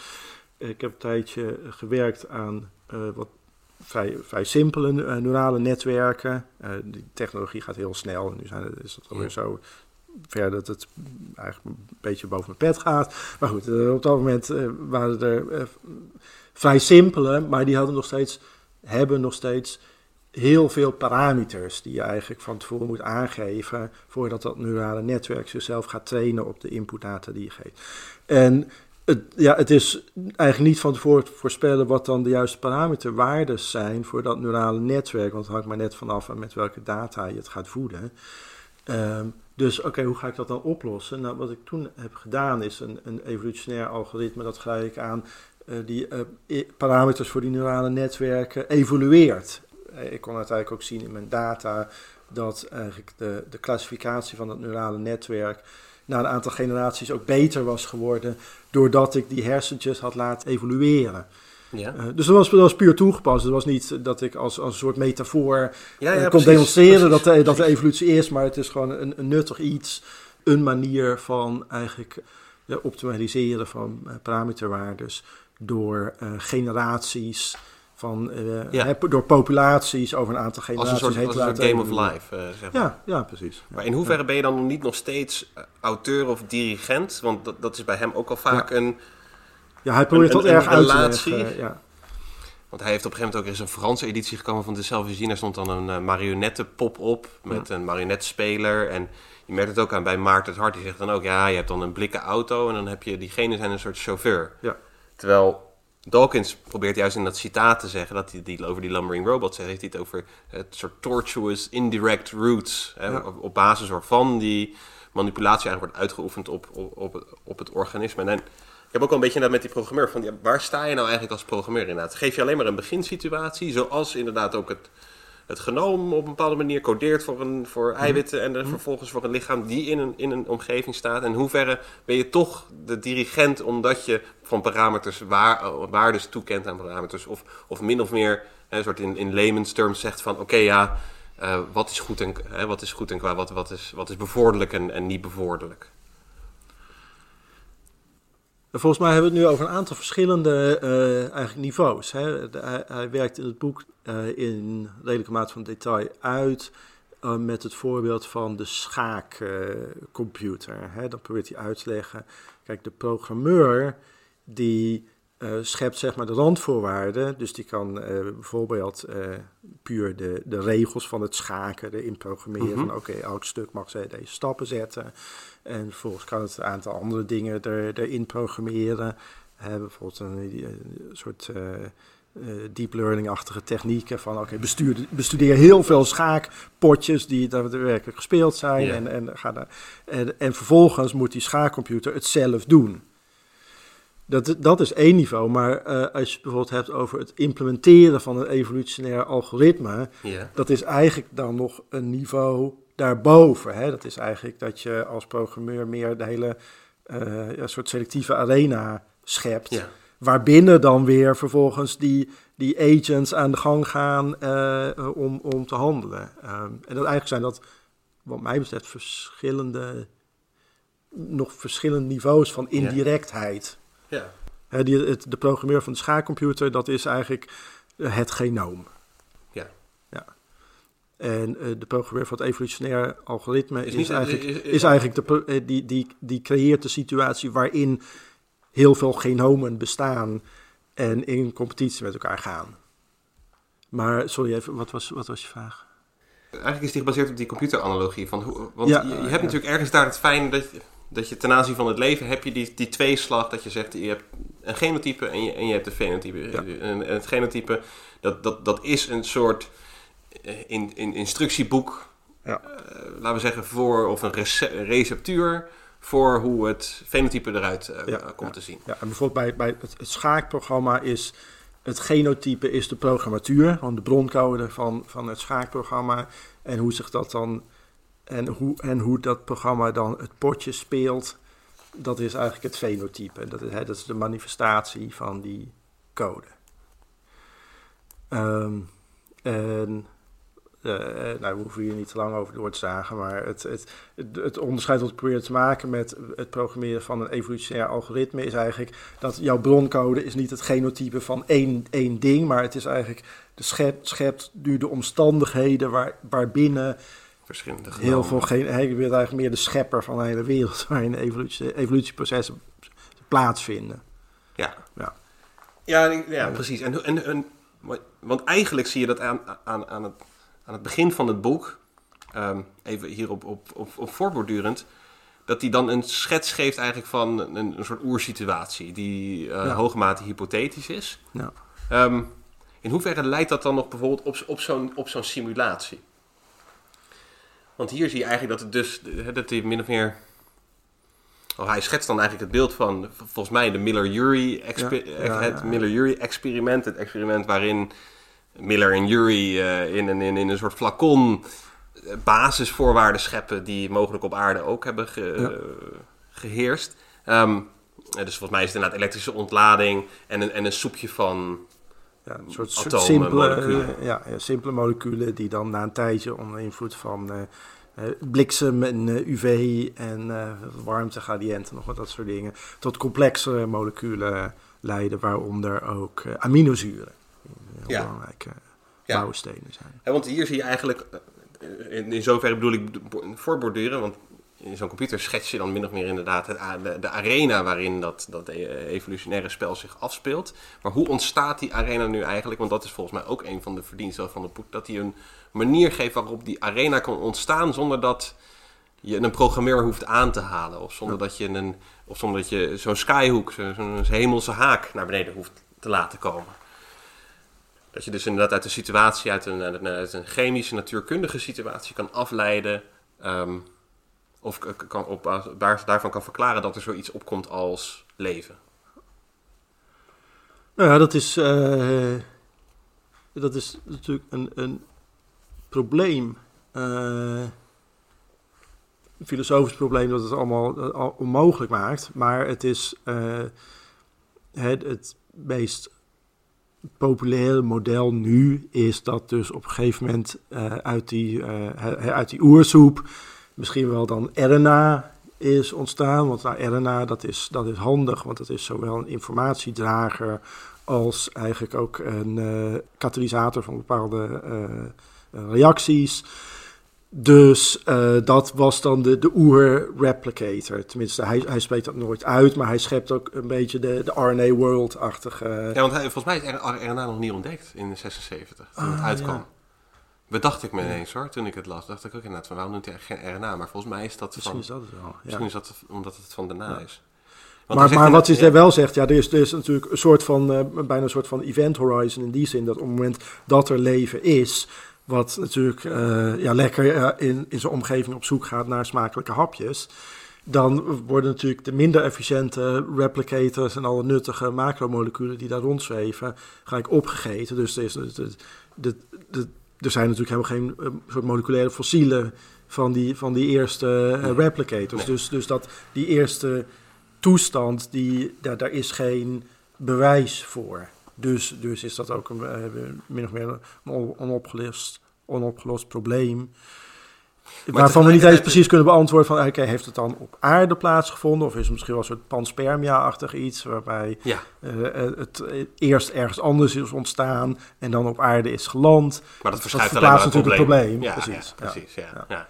En, en er is natuurlijk dan ook de grote vraag, maar wat, wat, wat waren dan die eerste moleculen? En kunnen we bijvoorbeeld dan ook vaststellen op andere planeten? En dan is natuurlijk de grote vraag, Oké, is dat dan bewijs voor leven of is dat bewijs voor een vorm van chemie die we nog niet helemaal in kaart hebben gebracht? En ja, we, we weten niet genoeg van de toestand van uh, uh, planeten waar leven aan het ontstaan is. Daar weten we niks van. We kunnen alleen hypothetiseren om, om dat onderscheid te maken. Ja, maar je merkt wel dat er, dat er vanuit die hypothese wel een zekere mate van kracht vanuit gaat. want hij zegt dan eigenlijk, uh, in zo'n situatie heb je verschillende vormen van stabiliteit. En dan zegt hij ook van ja, het is een stabiliteit, namelijk dat het een naam verdient. En of het is een unieke uh, concatenatie van atomen, zoals de Matterhorn noemt hij dan. Of hij zegt of het is een, het is een evenement wat, wat, wat kort duurt, maar zo vaak voorkomt dat het ook een naam verdient, zoals regen. En dan vervolgens heb je een andere vorm van stabiliteit en dat is dan die replicator. Dat is, de- dat is een andere vorm van stabiliteit, namelijk omdat het een, een kopierend Ja. effect heeft. Ja, ja en, en op, op het moment dat die, die sleutel is omgedraaid, dan is het eh, bijna hè, een soort tautologisch. Dat, eh, ja, dan krijg je dus natuurlijke selectie en, en nou, dan begint het spelletje. Ja, Dan, dan is die arena geschapen en dan eh, eh, ga je van eh, hele simpele moleculen naar steeds ingewikkelde, eh, ook die indirectie van eh, de robot. En eh, eh, uiteindelijk komen we dan uit bij maar vond je, vind je dat een non sequitur? Dat volgt dat niet... ehm, want je spreekt inderdaad van een event horizon of een... Hè, dat lijkt toch nog inderdaad aanspraak te maken op de... de, de er gebeurt eigenlijk wel iets heel erg vreemd, wat, waar gewoon nog geen verklaring voor is. Namelijk, want hij schetst het zo. nou, dat nee, ik bedoel met Event Horizon gewoon het, het, het- de restjes daarvan zijn Ja. opgeruimd. Ja, Dus het is niet, we kunnen daar niet, we zien dat niet. We kunnen dat niet, niet zien omdat het is opgeruimd. Ja, ja, ja precies. Dus ja, de sporen zijn er van, uitge van uitgewist. Nee, omdat je net zei inderdaad van dat het toch, hè, dat zodra je die replicator eigenlijk aanneemt, eh, dat je dat dan daar alle, dat, daar volgt eigenlijk vervolgens dan Ja. alles uit. Ja. Het, het kopieert zichzelf. Die kopieën kunnen weer kopiefouten eh, bevatten. Dat zou dan ook de motor zijn voor die evolutionaire verandering. En er is een soort langlevendheid en, re- en, en replicatiesnelheid. En dat zijn dan allemaal vormen waarin die stabiliteit zich langzaam maar zeker gaat configureren. En dat, eh, ik vind dat wel een, een goed hoofdstuk, ook omdat in de rest van het boek is hij soort van gedwongen om degene te personifiëren. Van ja, die willen dit, die willen dat. eh, eh, die willen meer kopieën van zichzelf Ja. hebben en zus en zo. Ehm, Die intentionaliteit eigenlijk. ja, en, en die is er natuurlijk niet. En dat, dat, dat moet hij hier dus ook uitleggen. Gewoon dat, dat kopiëren, als dat kopiëren er eenmaal is, dan is een, een logische consequentie daarvan dat je die intentie soort van krijgt. Zo ziet het eruit. Maar dat is gewoon omdat er nou eenmaal gekopieerd wordt. Dus, en met kopieerfoutjes. En het is, eh, eh, er is geen on- oneindige ruimte voor al die verschillende kopietjes. Dus je krijgt concurrentie en natuurlijk selectie, Ja. et cetera, et cetera, et cetera. En cumulatie En, daardoor lijkt het, daardoor vanuit ons, omdat we nou eenmaal geneigd zijn om overal gezichtjes en intenties in te zien, lijkt het alsof diegene dingen willen en lijkt het alsof diegene dus zelfzuchtig zijn. Dat zijn Ja. ze natuurlijk helemaal niet, eigenlijk. Nee, want- ja, want inderdaad, want dat is precies ook. Dat is, volgens mij- dat is ook wel grappig dat je dan die, die Maarten het Hart, die denkt toch inderdaad, ja, dat is een soort chauffeur. En de chauffeur heeft natuurlijk, nou ja, ik weet niet, misschien heeft hij geen intenties, misschien heeft hij vooral een, eh, een, een routeplanner en een tomtom en, eh, en een zware rechtervoet op, de, op het gaspedaal. Dus misschien zijn daar ook de intenties niet van, van, van enorm belang. Maar je ziet natuurlijk inderdaad wel dat die, dat hij eigenlijk de hele tijd moet oppassen dat hij niet zegt gen X eh, codeert voor gedrag Y. eh, Ja. Of is een, eh, er is een directe relatie. En er is inderdaad een soort van marionettenpop. En, en, die, en, dit- en dat gen dat staat daar eigenlijk aan de basis. Ja. Want waarom dan toch, toch zelfzuchtigheid noemen? Of, of is dat inderdaad gewoon een term die je eigenlijk dan vervolgens moet laten, moet laten vallen als je het hebt over, over genen? Ja, ja, ja, ja mis- misschien dus wel. Ja, het, het dekt niet precies helemaal de lading. Maar het is, het is wel iets wat wij er onvermijdelijk in, in zien. We hebben gelijk die connotatie bedoel je eigenlijk. We hebben gelijk die connotatie bij zelfzuchtigheid. Dat er zo'n soort malin genie, een soort kwaadaardig genie zit van... Oh, ik ga nu eens eventjes vanuit eigen voordeel gaan we, ga ik handelen. En- Maar volgens mij is dat meer ons, ons probleem als mensen, dat we nou eenmaal in dingen intenties zien. En hij geeft, het ook, hij geeft ook al een paar mooie eh, voorbeeldjes van in een iets andere context. Hij noemt bijvoorbeeld ook dan eh, geleide raketten, hè, die op, op een doel afvliegen en dan natuurlijk bijsturen. En Ja. dan legt hij dat uit in, in de context waar hij soort cybernetische systemen Ja. probeert uit te leggen. Maar inderdaad, als wij dat zien gebeuren en we zien dat ding bijdraaien, eh, als die steeds dichter bij het vliegtuig wat hij probeert Ja. neer te halen, of de Azerbeidzjaanse drone probeert neer te halen. Eh, we zien daar eh, intenties in, alsof hij dat wil. Ja. Maar het is gewoon geprogrammeerd om dat, om dat Je hebt ook zo'n filmpje van zo'n witte bloedcel die dan een, een of andere bacterie of zo achterna zit in het lichaam. En je hebt ook inderdaad het idee dat dat is een soort van... eh, Dat wil die van, oh, go, go, go, go, Dat is go. achtervolging Ja. inderdaad. Ja, maar dat is gewoon, dat is ons, dat dat is nou eenmaal dat wij dat erin willen zien. En dat is ook gewoon adaptief om dat te zien in dingen in de wereld om ons heen.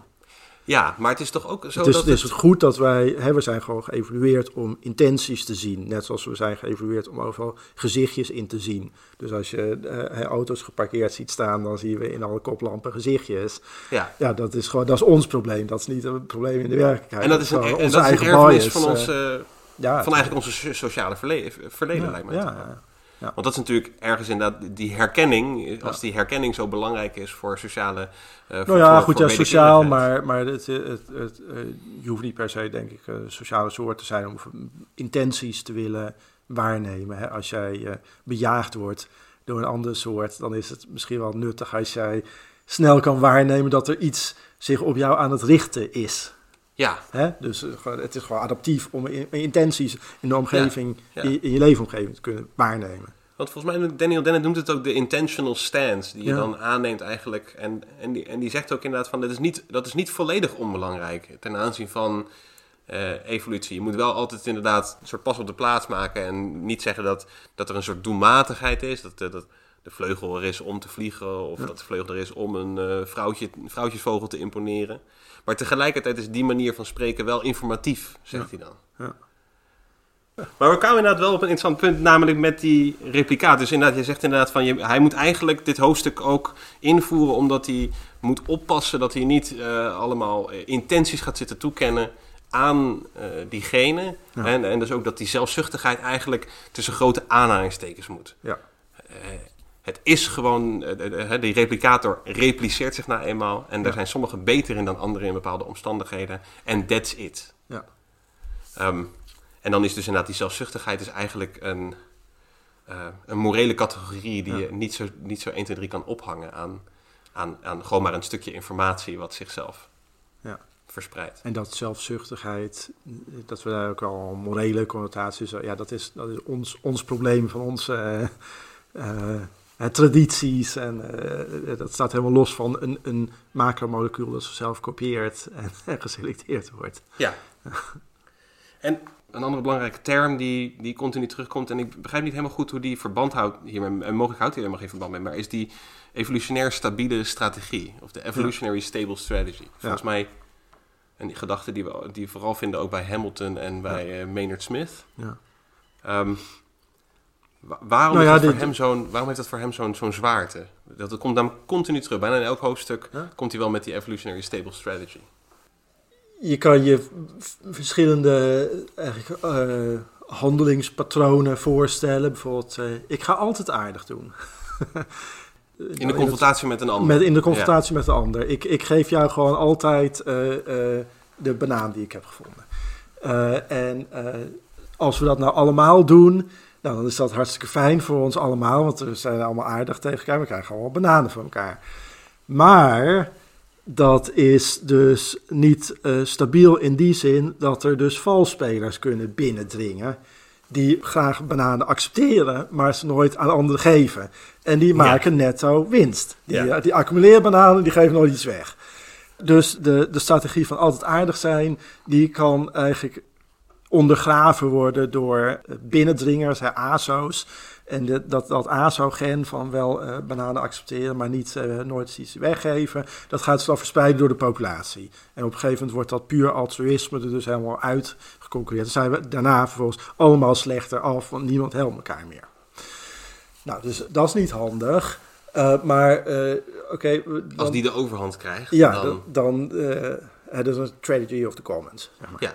Maar wat dan weer een nadeel is voor die ASO's, is dat die dus zo geprogrammeerd zijn dat die ook nooit het voordeel hebben van wel altruïstisch handelen ten opzichte van elkaar. En wat, wat werkt dan nog beter? Nou, het, wat Want als het best- allemaal ASUS zijn, dan heeft er... dan, dan, krijgt, dan krijgt dus nooit iemand Ja, iets. dan dus dit is altijd netto, netto Ja. verlies. Dus dat is ook niet handig. En eh, nou, wat, wat werkt dan het beste? Het beste werkt eigenlijk als je nou in principe aardig bent tegen elkaar. En het neemt dan even aan dat je elkaar meerdere keer ziet. En eh, degene die niet aardig is, die straf je af. Dus die plukt ook niet de vruchten van zijn asociale gedrag. En die strategie, dat, uh, ja, je kan dat zeg maar mathematisch uitwerken met een soort uh, kosten-batenanalyse, een soort, ja. met een matrixje van oké, de ene persoon handelt X, de andere persoon handelt Y. En wat levert dat die, beide personen op? En dan werk je uit welke verschillende scenario's er zijn. Maar je kan het ook bijvoorbeeld via simulatie dan uitwerken. en, en wat er dan uit blijkt, is dat eigenlijk het meest stabiele, dus datgene wat niet overgenomen kan worden door andere strategieën, is een uh, strategie waarbij je in principe aardig bent, maar uh, elkaar straft, uh, voor de ander straft als het niet, niet aardig is. En eigenlijk formuleert hij dat dan op een, op een aantal verschillende manieren. Hè. Dus dit is dan de, Oké, de, de, term voor die strategie, en er zijn een aantal variaties op, is uh, tit for tat. Of dus weer gewoon de gulden regel. Zeg Eigenlijk maar. de gulden regel. En in, dus in negatieve en in positieve zin de gulden Ja, het is een gulden regel. Het is ook, zeg dus maar, niet alleen Hammurabi, wat gij niet wil dat u geschiet, doet dat ook een ander niet. Maar het is ook een uh, oog om oog. Oog om oog, tand om tand. Ja, ja, die, die combinatie, die is, die is niet over te nemen door uh, alleen maar allemaal aardig zijn. En ook niet uh, over te nemen door alleen maar allemaal asociaal zijn. En eigenlijk uh, beargumenteert hij dan waarom dat zo is op, een paar verschillende manieren. Uh, dus via simulatie, ook via. Hij definieert dat eigenlijk op een aantal verschillende manieren. Oké, je kan dus die kostenbatenanalyse toepassen. Je kan ook zeggen, het is, het is eigenlijk niet ontvankelijk voor zeg maar, invasies door andere strategieën. Of, en dat, dat vond ik wel een heel aardige manier van uitdrukken, het is de strategie die eigenlijk het, het beste uitpakt ten opzichte van zichzelf. Op een gegeven moment formuleert hij dat ja. op, die, op die manier. Dat, dat, daar had, zo had ik er zelf nooit over gedacht. Ik had altijd gedacht vanuit het perspectief van ja, het is niet... In relatie tot andere strategieën. Het, ja, het is niet, niet over te nemen door anderen.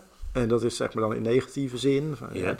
is, dat, dat kan niet gebeuren. Maar dat betekent dus ook dat het een strategie is die goed functioneert ten opzichte van zichzelf. Uh, in, in andere individuen. Als, die andere, ja, ja. als je andere individuen tegenkomt die diezelfde strategie hanteren, dan krijg je eigenlijk een vergelijkbare. Ja. Of tenminste, daar doet hij het ook goed tegen. Ja, ja. ja precies. Ja. En hij haalt er ook, we hebben het al eerder genoemd, die, die prisoners dilemma aan. Het is misschien wel goed om even dat gevangenisdilemma te herhalen. Want ja, dat ik vond, heel raar, ik vond het heel raar hoe hij, dat, uh, hoe, hoe hij dat voorbeeld uh, noemde. Want uh, de, de prisoners dilemma Hè, wat is het uh, prisoners dilemma? Goed, uh, jij en ik, wij worden allebei uh, gearresteerd. Hè, ons, ons kwade verleden haalt ons in. haalt ons in. ja, ja. en we worden allebei in een andere cel gestopt en, en ondervraagd. En dan zijn er voor ons allebei eigenlijk twee mogelijkheden. Eén is, ik na jou erbij. ik ja, zeg, ja, Nor Norbert heeft het gedaan, ik niet. Uh, hè, of uh, we houden ons aan de omerta die we ooit aan elkaar hadden gezworen en we zeggen allebei niks. Ja. En vervolgens kan je dan uit, uitwerken wat, wat daar dan de consequentie van is. Hè, het, in het ideale geval dat wij uh, allebei niks zeggen, dan is er onvoldoende bewijs. Of, ja. En dan, nou nee, dus in dit geval, we zeggen niks, dus onvoldoende bewijs, dus we krijgen lage straf.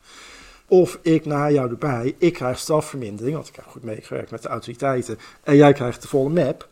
Maar jij hebt dat natuurlijk bedacht dat ik waarschijnlijk niet vertrouwen ben. Dus jij probeert mij er ook naar de, erbij te naaien. En we krijgen dan eigenlijk allebei een straf die groter is dan als we onze mond dicht hadden gehouden.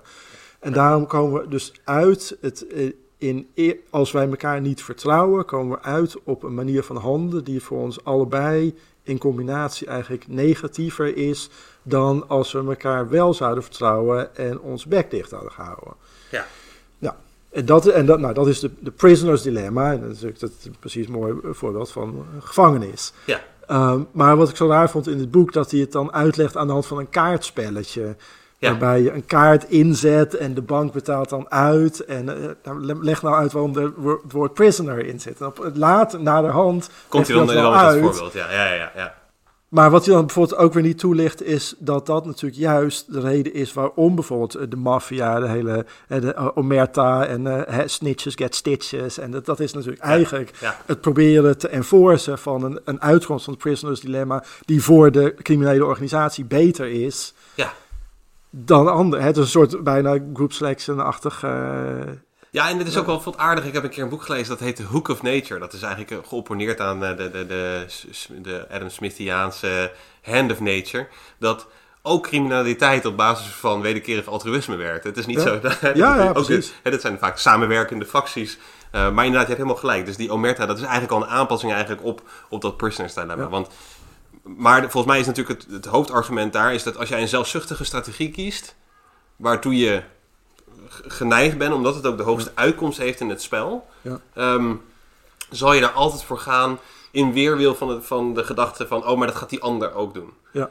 Vanwege de... En, en volgens mij hangt dat bij hem sterk samen met de eenmaligheid van de situatie. Ja. En ik denk ook dat hij, dat hij het voorbeeld anders inzet... omdat hij volgens mij ook moet, moet laten zien... dat het niet een zero-sum game is, maar een, eh, een, een non-zero-sum game. Begint hij daarom niet met die, de uitkering van die winst...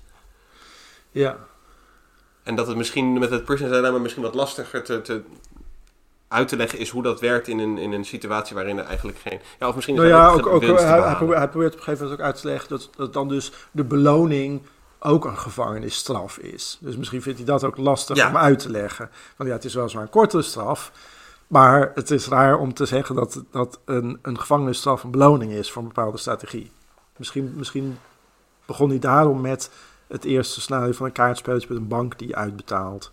Want Dat, dan- dat dacht ik in ieder geval erbij. Ja, ja. Maar volgens mij krijg je vervolgens eigenlijk inderdaad precies eh, een, een, een Hobbesiaanse situatie. Hè, waarin je dus inderdaad gewoon maar zelfzuchtig bent. Ja. Vanwege ehm, dat daar nou eenmaal de hoogste winst mee te behalen is. Al, al zal het jou meteen beletten eigenlijk in het behalen van die winst. Ja. Maar Nou dat, en dat, dat is natuurlijk heel tragisch. En dat is iets wat natuurlijk op heel veel, heel veel plekken wij met z'n allen allemaal kunnen waarnemen. En we kunnen er toch niet aan ontsnappen. Eh, Precies eh, de tragedy of the commons-achtige situatie. We weten allemaal dat het beter zou zijn als... Maar omdat die ander het ook niet ja. doet, doen wij het ook niet. En dat is bijvoorbeeld het probleem van de klimaatverandering. Hè, eh, eh, we weten allemaal dat het de verkeerde Of kant uitgaat. Ja, of, eh, ja of- of- eh, we weten allemaal dat het de verkeerde kant uitgaat. Maar omdat eh, China de fabrieken laat doorroken, moeten wij dat ook maar doen. Anders krijgen zij een, een voorsprong in economische zin. Dus weten we met z'n allen dat het alleen maar steeds slechter en slechter en slechter wordt. Ja. Ja, en heel, heel tragisch. Ja, ja, maar er zit ook al een niet tra- tragische kant aan, in ieder geval in de, in de, in de, in de Nou, je moet dus de kunnen enforcen dat je, dat je eh, daar, in die zin is natuurlijk wel een soort eh, beetje Hobbesiaanse situatie. een Leviathan nodig. bedoel je? er, is een, er is een zwaard van boven nodig eigenlijk om, men- om mensen te... Nou, dat helpt wel. ja, ja, ja. ja, ja, dus ja, daarom, ja. daarom lukt het beter om eh, dingen gedaan te krijgen binnen een land dan via de, de Verenigde Naties of de EU. Want ja, die hebben het is vrij tandeloos. Ja. Dus, dus beggar thy neighbor. eh, de, de- daarom werkt de euro ook minder goed dan het eigenlijk zou kunnen. Dus, Ja, ja, ja, ja, ja. hè, dat is natuurlijk eh, de- veel logischer. Hè, de, de nationale overheden kunnen- die betekent natuurlijk ook voor ja. We- willen gewoon ons pensioensysteem in stand houden. En, en Ja. nog een paar andere leuke dingen voor de mensen. En eh, we zien wel waar het schip staat met die euro. Ja. Ja. Maar eigenlijk heb je daar inderdaad een soort verklaringsprobleem. Namelijk inderdaad, je kan niet... Hè, dat is hetzelfde, ik, ik zeg dat ook wel eens tegen mensen. Ja, dat is eigenlijk hetzelfde dat er... Je hebt een petrischaal met wat agar erin. En dan gaat dus een bacterie zich op vermenigvuldigen. En dan komt op een gegeven moment een bacterie vlak bij de rand van het petrischaaltje. Komt dan van, jongens, het petrischaaltje is bijna vol. Zullen we alsjeblieft stoppen met Ja. vermenigvuldigen nu? Want, het, eh, want we, we hebben bijna de grenzen bereikt van het petrischaaltje. Grens aan de groei. Ja, en dat is natuurlijk precies het probleem inderdaad van die Ja. tragedy of the commons. Je kan eigenlijk niet, eh, je kan eigenlijk niet stoppen. Nee. Maar het helpt dan inderdaad wel. Ja, het zou natuurlijk zeker helpen als er een, gewoon een almachtige Leviathan is die, dat, eh, die, dat, die daar wel een andere Ja. koer kan- koers aan kan geven. Ja. Maar ten aanzien van de Prison Dilemma is de oplossing eigenlijk herhaling. Ja. En, en ehm, een herhaling van het, van het dilemma, zeker met eh, dezelfde spelers, Ja. dat geeft uiteindelijk een andere dat en, inderdaad wat, je, wat jij eerder in het gesprek noemde, het is een herhaling. Het is ook, je moet het geheugen hebben. Dat je weet, hè, wat heeft Norbert mij de vorige keer geflikt. nou, dat is wel een toffe gast. Ik doe ook aardig. Dat, dat, heb je allemaal, dat zijn allemaal randvoorwaarden nodig voordat dit eh, werkt. En dan zie je dus inderdaad dat in die herhaaldelijke interactie, dat daar, daar komt eigenlijk die evolutionaire stabiele strategie pas om de hoek kijken. Ja. Ja, want eigenlijk zie je dat die helemaal aan het... En je hebt verschillende edities van de Selfish Gene. Je hebt een, eh, een latere editie, daar komen er eigenlijk twee hoofdstukken bij. Waarin, en dat, komt, dat is ook het hoofdstuk waarin die die, die Prisoners Dilemma ehm, bespreekt. En, en ehm, zijn latere idee, waar eigenlijk een apart boek over is, de, de Extended Phenotype, het uitgebreide fenotype. Ja. Maar de oorspronkelijke editie die eindigt met eh, een, een, een raar, maar eigenlijk super invloedrijk eh, hoofdstuk. Of in ieder geval heel invloedrijk is gebleken. Waarin hij eigenlijk laat zien dat... ehm, we hebben nu het heel lang gehad over replicator. We hebben heel lang gezegd van oké, ja, die replicator dat is het genetische materiaal de, of de, de genen. Ehm, die bestaan bij, hun, eh, bij gratie van hun replicatie en van hun, van hun kopieën en de kopiefouten die daarin kunnen optreden. En dan vervolgens krijg je eigenlijk, ja, maar eh, een replicator kan eh, vele verschillende gedaantes aannemen. En, en, en daar komt eigenlijk dan een, iets nieuws om de hoek, wat volgens mij vervolgens eigenlijk heel bekend is geworden, namelijk het meme of de meme. Vandaag Ja. vooral bekend uit allemaal van die, De plaatjes. Die, ja, geinige plaatjes inderdaad, met, met een quoteje erbij. Ja. Ehm, maar eigenlijk eh, berust op een veel fundamenteler idee. Namelijk dat hier dus een nieuwe replicator Ja. ten tonele verschijnt. Waar- Wat, wat, wat, wat zet hem daartoe aan dat hij, daar, dat hij daarmee moet komen op het, la- op het einde van het boek? Ik denk dat hij eh, wil laten zien dat het eh, een, een universeel principe is, wat ze, hè, de evolutie natuurlijk selectie en het selfish gene-achtig iets. Hij wil denk ik laten zien dat dat universeel is, dus moet hij een ander voorbeeldje hebben. En, eh, en het aardige is dat het dus een min of meer self-fulfilling prophecy is geweest, dat hij met het idee meme is gekomen en nou is meme een meme.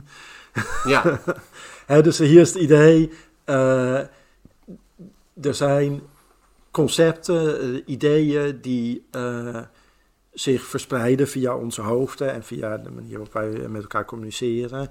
En sommige daarvan zijn daar beter in dan andere. En eh, het kan misschien zijn dat het aantrekkelijke ideeën zijn, of het kan misschien ook zijn, zijn dat het hele complexe aan ideeën zijn die er eh, voor zorgen dat ze zichzelf repliceren. Dus bijvoorbeeld religieuze ide- eh, ideologieën, waarbij nou, je moet het doorgeven aan je kinderen. Je moet ze er al jong dat erin stampen. En je moet ook zorgen dat je veel kinderen hebt. Nou, dat is goed voor de verspreiding van, laten we zeggen, het katholicisme bijvoorbeeld. Ja. ja. En nou, en, en hij, daar geeft hij de term aan, meme. En het, eigenlijk is het wel aardiger dat eh, hij in, op een aantal punten in het boek, of tenminste dat lees ik er dan in, ehm, eigenlijk de, de internetrevolutie ziet, ziet aankomen of, of min of meer daar bepaalde consequenties al van. Dus ja, hij op een gegeven moment Ja, heeft het ja. ook over, ja, er zijn bepaalde hele netwerken van computers die dan op elkaar aangesloten kunnen worden. En dan kan je berichten naar elkaar sturen en dan, oh. ja, ja, ja, zeker. Ja, Nou, en- ja hij, en- ziet en inderdaad, hij ziet de voorschaduw al van... en, van- en dat, en dat medium, dat is natuurlijk heel erg eh, belangrijk. Juist het internet is natuurlijk heel belangrijk voor, voor, voor de verspreiding van dat soort ideeën. Ja. En eigenlijk is het ook alweer heel erg interessant dat hij daar dus hele naïeve en optimistische ideeën bij had. Want het internet is natuurlijk in plaats van zo'n ontzettend nuttig netwerk waarbij we allemaal mooie wetenschappelijke ideeën bij elkaar. Nee, dat is een verschrikkelijke eh, medium voor alle, alle, allerhande fascistoïde ideeën en fake news en, en noem maar op. Ja, Stephen Fry noemt het wel eh, de doos van Pandora. Dat hij Oh, nou dan verschrikkelijk. heel erg hoopvol keek hij naar, naar dat internet. Ja, dat dacht ik eerst want hij was ook Hij- een, ja. En, en vervolgens inderdaad lijkt het eigenlijk ook alle kwaden van de wereld vervolgens weer in zich te bevatten. Oh, de- in allerlei, de, het, het hele Trumpisme is natuurlijk, dat is zeker in het voortvloeisel eh, eruit. En het- hetzelfde zie je ook terugkomen in eh, dan een ander voorbeeld van die replicators, die hij eigenlijk ook noemt als programmeur, is het idee van computervirussen. Ja. En hij, hij zegt dat hij in eerste instantie dacht dat dat misschien ooit wel zou kunnen ontstaan, maar hij kon zich dat niet goed voorstellen. Van, want wie zou er dan toch op zo'n verschrikkelijk idee komen om zoiets... En hij is echt een beetje boos op een gegeven Dat is heel naïef eigenlijk. Ja, ja. Toch? Vooral als, als bioloog. Hij beschrijft het ene verschrikkelijke gedachte naar het andere. Eh, eh, eh, eh, eh, varkensmoeders die een, eh, een, een, een, zwak biggetje opeten. En, eh, eh, van, die, van die bidspringhanen die hun hoofd aanbieden aan vrouwtjes en zo. En dat kan hij zich dan niet voorstellen. Precies, terwijl natuurlijk Dat het computervirus natuurlijk onvermijdelijk zijn. eh, Ja, ja, ja, zeker. Ja. hij noemt inderdaad allemaal voorbeelden van ehm, eh, mogelijke memen, deuntjes bijvoorbeeld, inderdaad. En je ziet ook wel een beetje in die tijd dat... Er is op een gegeven moment een science fiction boek, wat eigenlijk een soort van tien jaar daarvoor eh landt.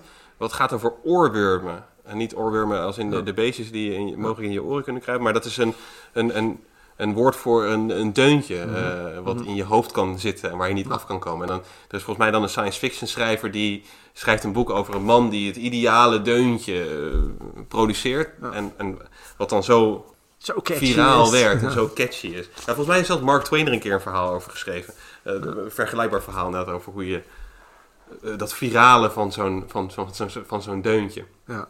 En hoe zich dat verspreidt door de, door de populatie. Maar het lijkt bij hem ook een manier te zijn om eigenlijk cultuur Ja. eh, te reduceren. Of, nou ja, niet te reduce- reduceren is misschien niet het goede woord, maar... Kijk, het natuurlijk hetzelfde als dat, dat de komst van altruïsme heel lang een hemelse haak heeft verondersteld... en eigenlijk niet natuurlijk kon worden verklaard. Zo, dat idee heb ik ook bij cultuur. En dat Ja. cultuur eigenlijk ook altijd zo'n zo'n soort Rubicon is die je dan op een gegeven moment... Die is de mens dan overgestoken. Ehm, en dat maakt hem ook uniek op allerlei manieren, et cetera. En dat hij eigenlijk hier een, een poging doet om, dat, om die uniciteit, of die Rubicon eigenlijk te zeggen van... Nee, dat is eigenlijk niet echt een Rubicon. Het is misschien wel Rubicon in de zin van er komt een andere replicator op. Maar het is niet een...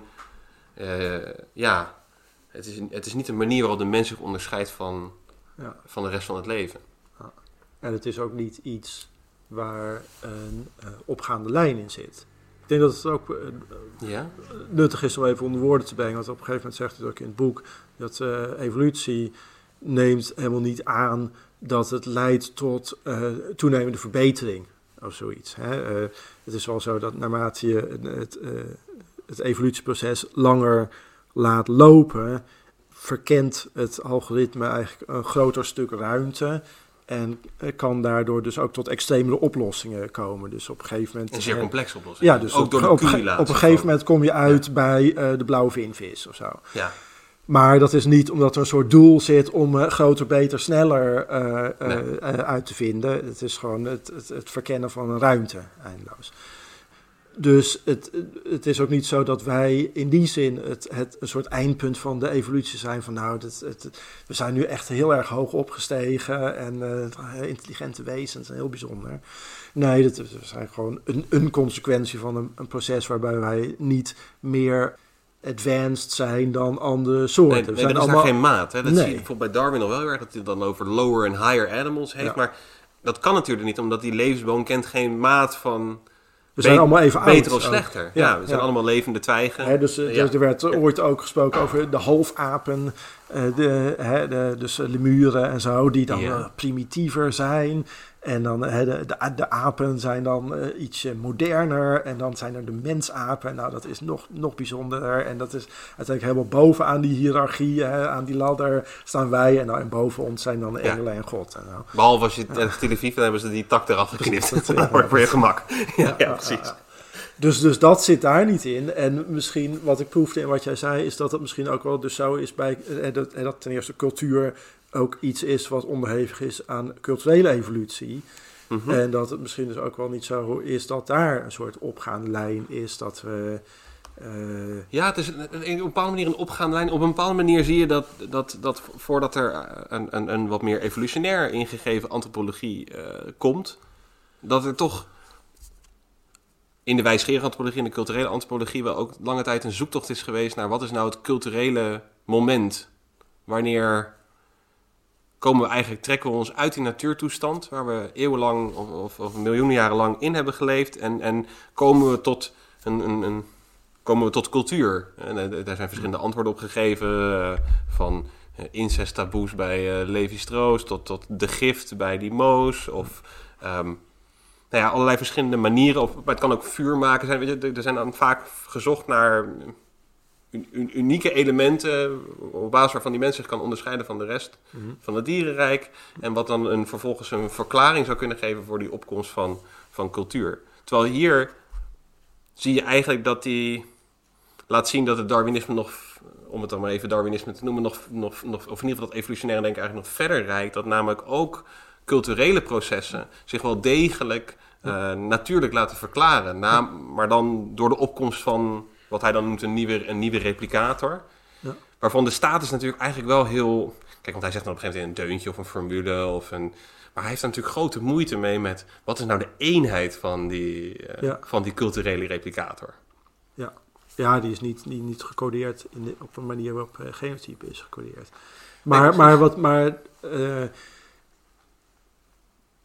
er zit wel een soort analogie in, in, in die zin dat um, we hebben natuurlijk, en daar zijn we nu wel een beetje aan, aan het eind van uh, een soort vooruitgangsdenken gehad van nou, we worden steeds uh, seculierder en gelijker en aardiger tegen elkaar en noem maar op. Terwijl het hele idee van de meme is nou, de, gewoon ideeën die het meest adaptief zijn in de zin van hun verspreiding. Ja, die krijgen dus de overhand. En het is helemaal niet uh, gezegd dat we over 100 jaar allemaal uh, seculier en, uh, en hoger opgeleid zijn. En, en weet ik nee. wat. Het kan heel goed zijn dat we over 100 jaar allemaal mormonen zijn. Terwijl die ideeën hebben die helemaal niet heel erg stroken met de werkelijkheid op bepaalde punten. Maar het is wel heel adaptief, want ze zijn aardig tegen elkaar. Ze krijgen veel kinderen, ze leven gezond. Ja. Dus dat het kan prima dat, ze dat, of voor ja, geloven dus dat die... kan prima dat, dat het zich gewoon verspreidt.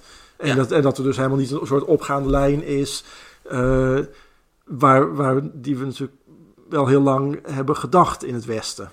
Ja, zeker, zeker. En wat ook bijvoorbeeld nog steeds bijvoorbeeld dan een kritiek is tegen bijvoorbeeld de katholieke kerk, van waarom roepen jullie niet op tot anticonceptie? En, uh, en, Ja. ja, nou, dat is precies te of uh, ding. Ja, dat moet je natuurlijk juist niet toe oproepen. Ja, precies, want dat, is, dat zou jij, hè, bedoel, des te meer hoofden waarin deze memen zich kunnen, kunnen planten en kunnen nestelen. Ja. En daar lijkt er toch ook een probleem te zijn van dat... Kijk, het fijne natuurlijk ten aanzien van organismen is dat je dat onderscheid hebt tussen genotype en fenotype. Ja. En dat is wel iets wat mij het echt lijkt te ontbreken bij die, bij die memen. Ja, ja, ja. Eigenlijk niet duidelijk wat nou de... Ja. Waar dat nou in rust. Ja. Eh, want, En, het, en er zit natuurlijk er zit wel intentie eh, in. Dat is natuurlijk eh, ook, ook totaal anders. eh. Je kan wel evolutie in bepaalde ideeën zien en, en dat bepaalde ideeën meer of minder populair zijn, maar ze worden actief ontwikkeld. Ja. Ook, met, ook met de internetmemes van nu. Er zijn al mensen die eh, eh, ontzettend eh, achter Photoshop bezig zijn. En in de hoop dat deze dan viraal gaat.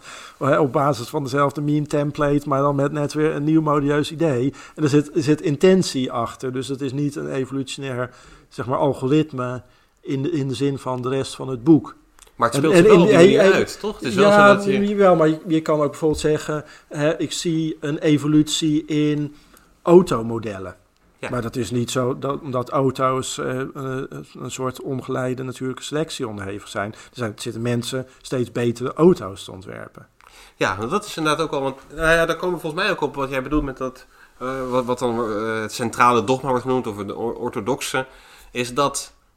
Je hebt dan die uitspraak van Dobzhansky dat eh, biologie eh, eigenlijk alleen zinvol is in het licht van, of, eh, van de evolutie. Ik, ik, Ja. ik parafraseer nu. Uh, nothing makes sense except in the light of In the light of evolution. En, en eigenlijk, ehm, dat licht, dat, werpt nog veel, dat, dat licht werpt zich nog veel verder. Dat is volgens mij, hè, want ehm, dat betreft biologie, maar dat universele Darwinisme leidt juist eigenlijk ervan uit te gaan dat eigenlijk wat jou überhaupt verschijnt, verschijnt jou al evolutionair.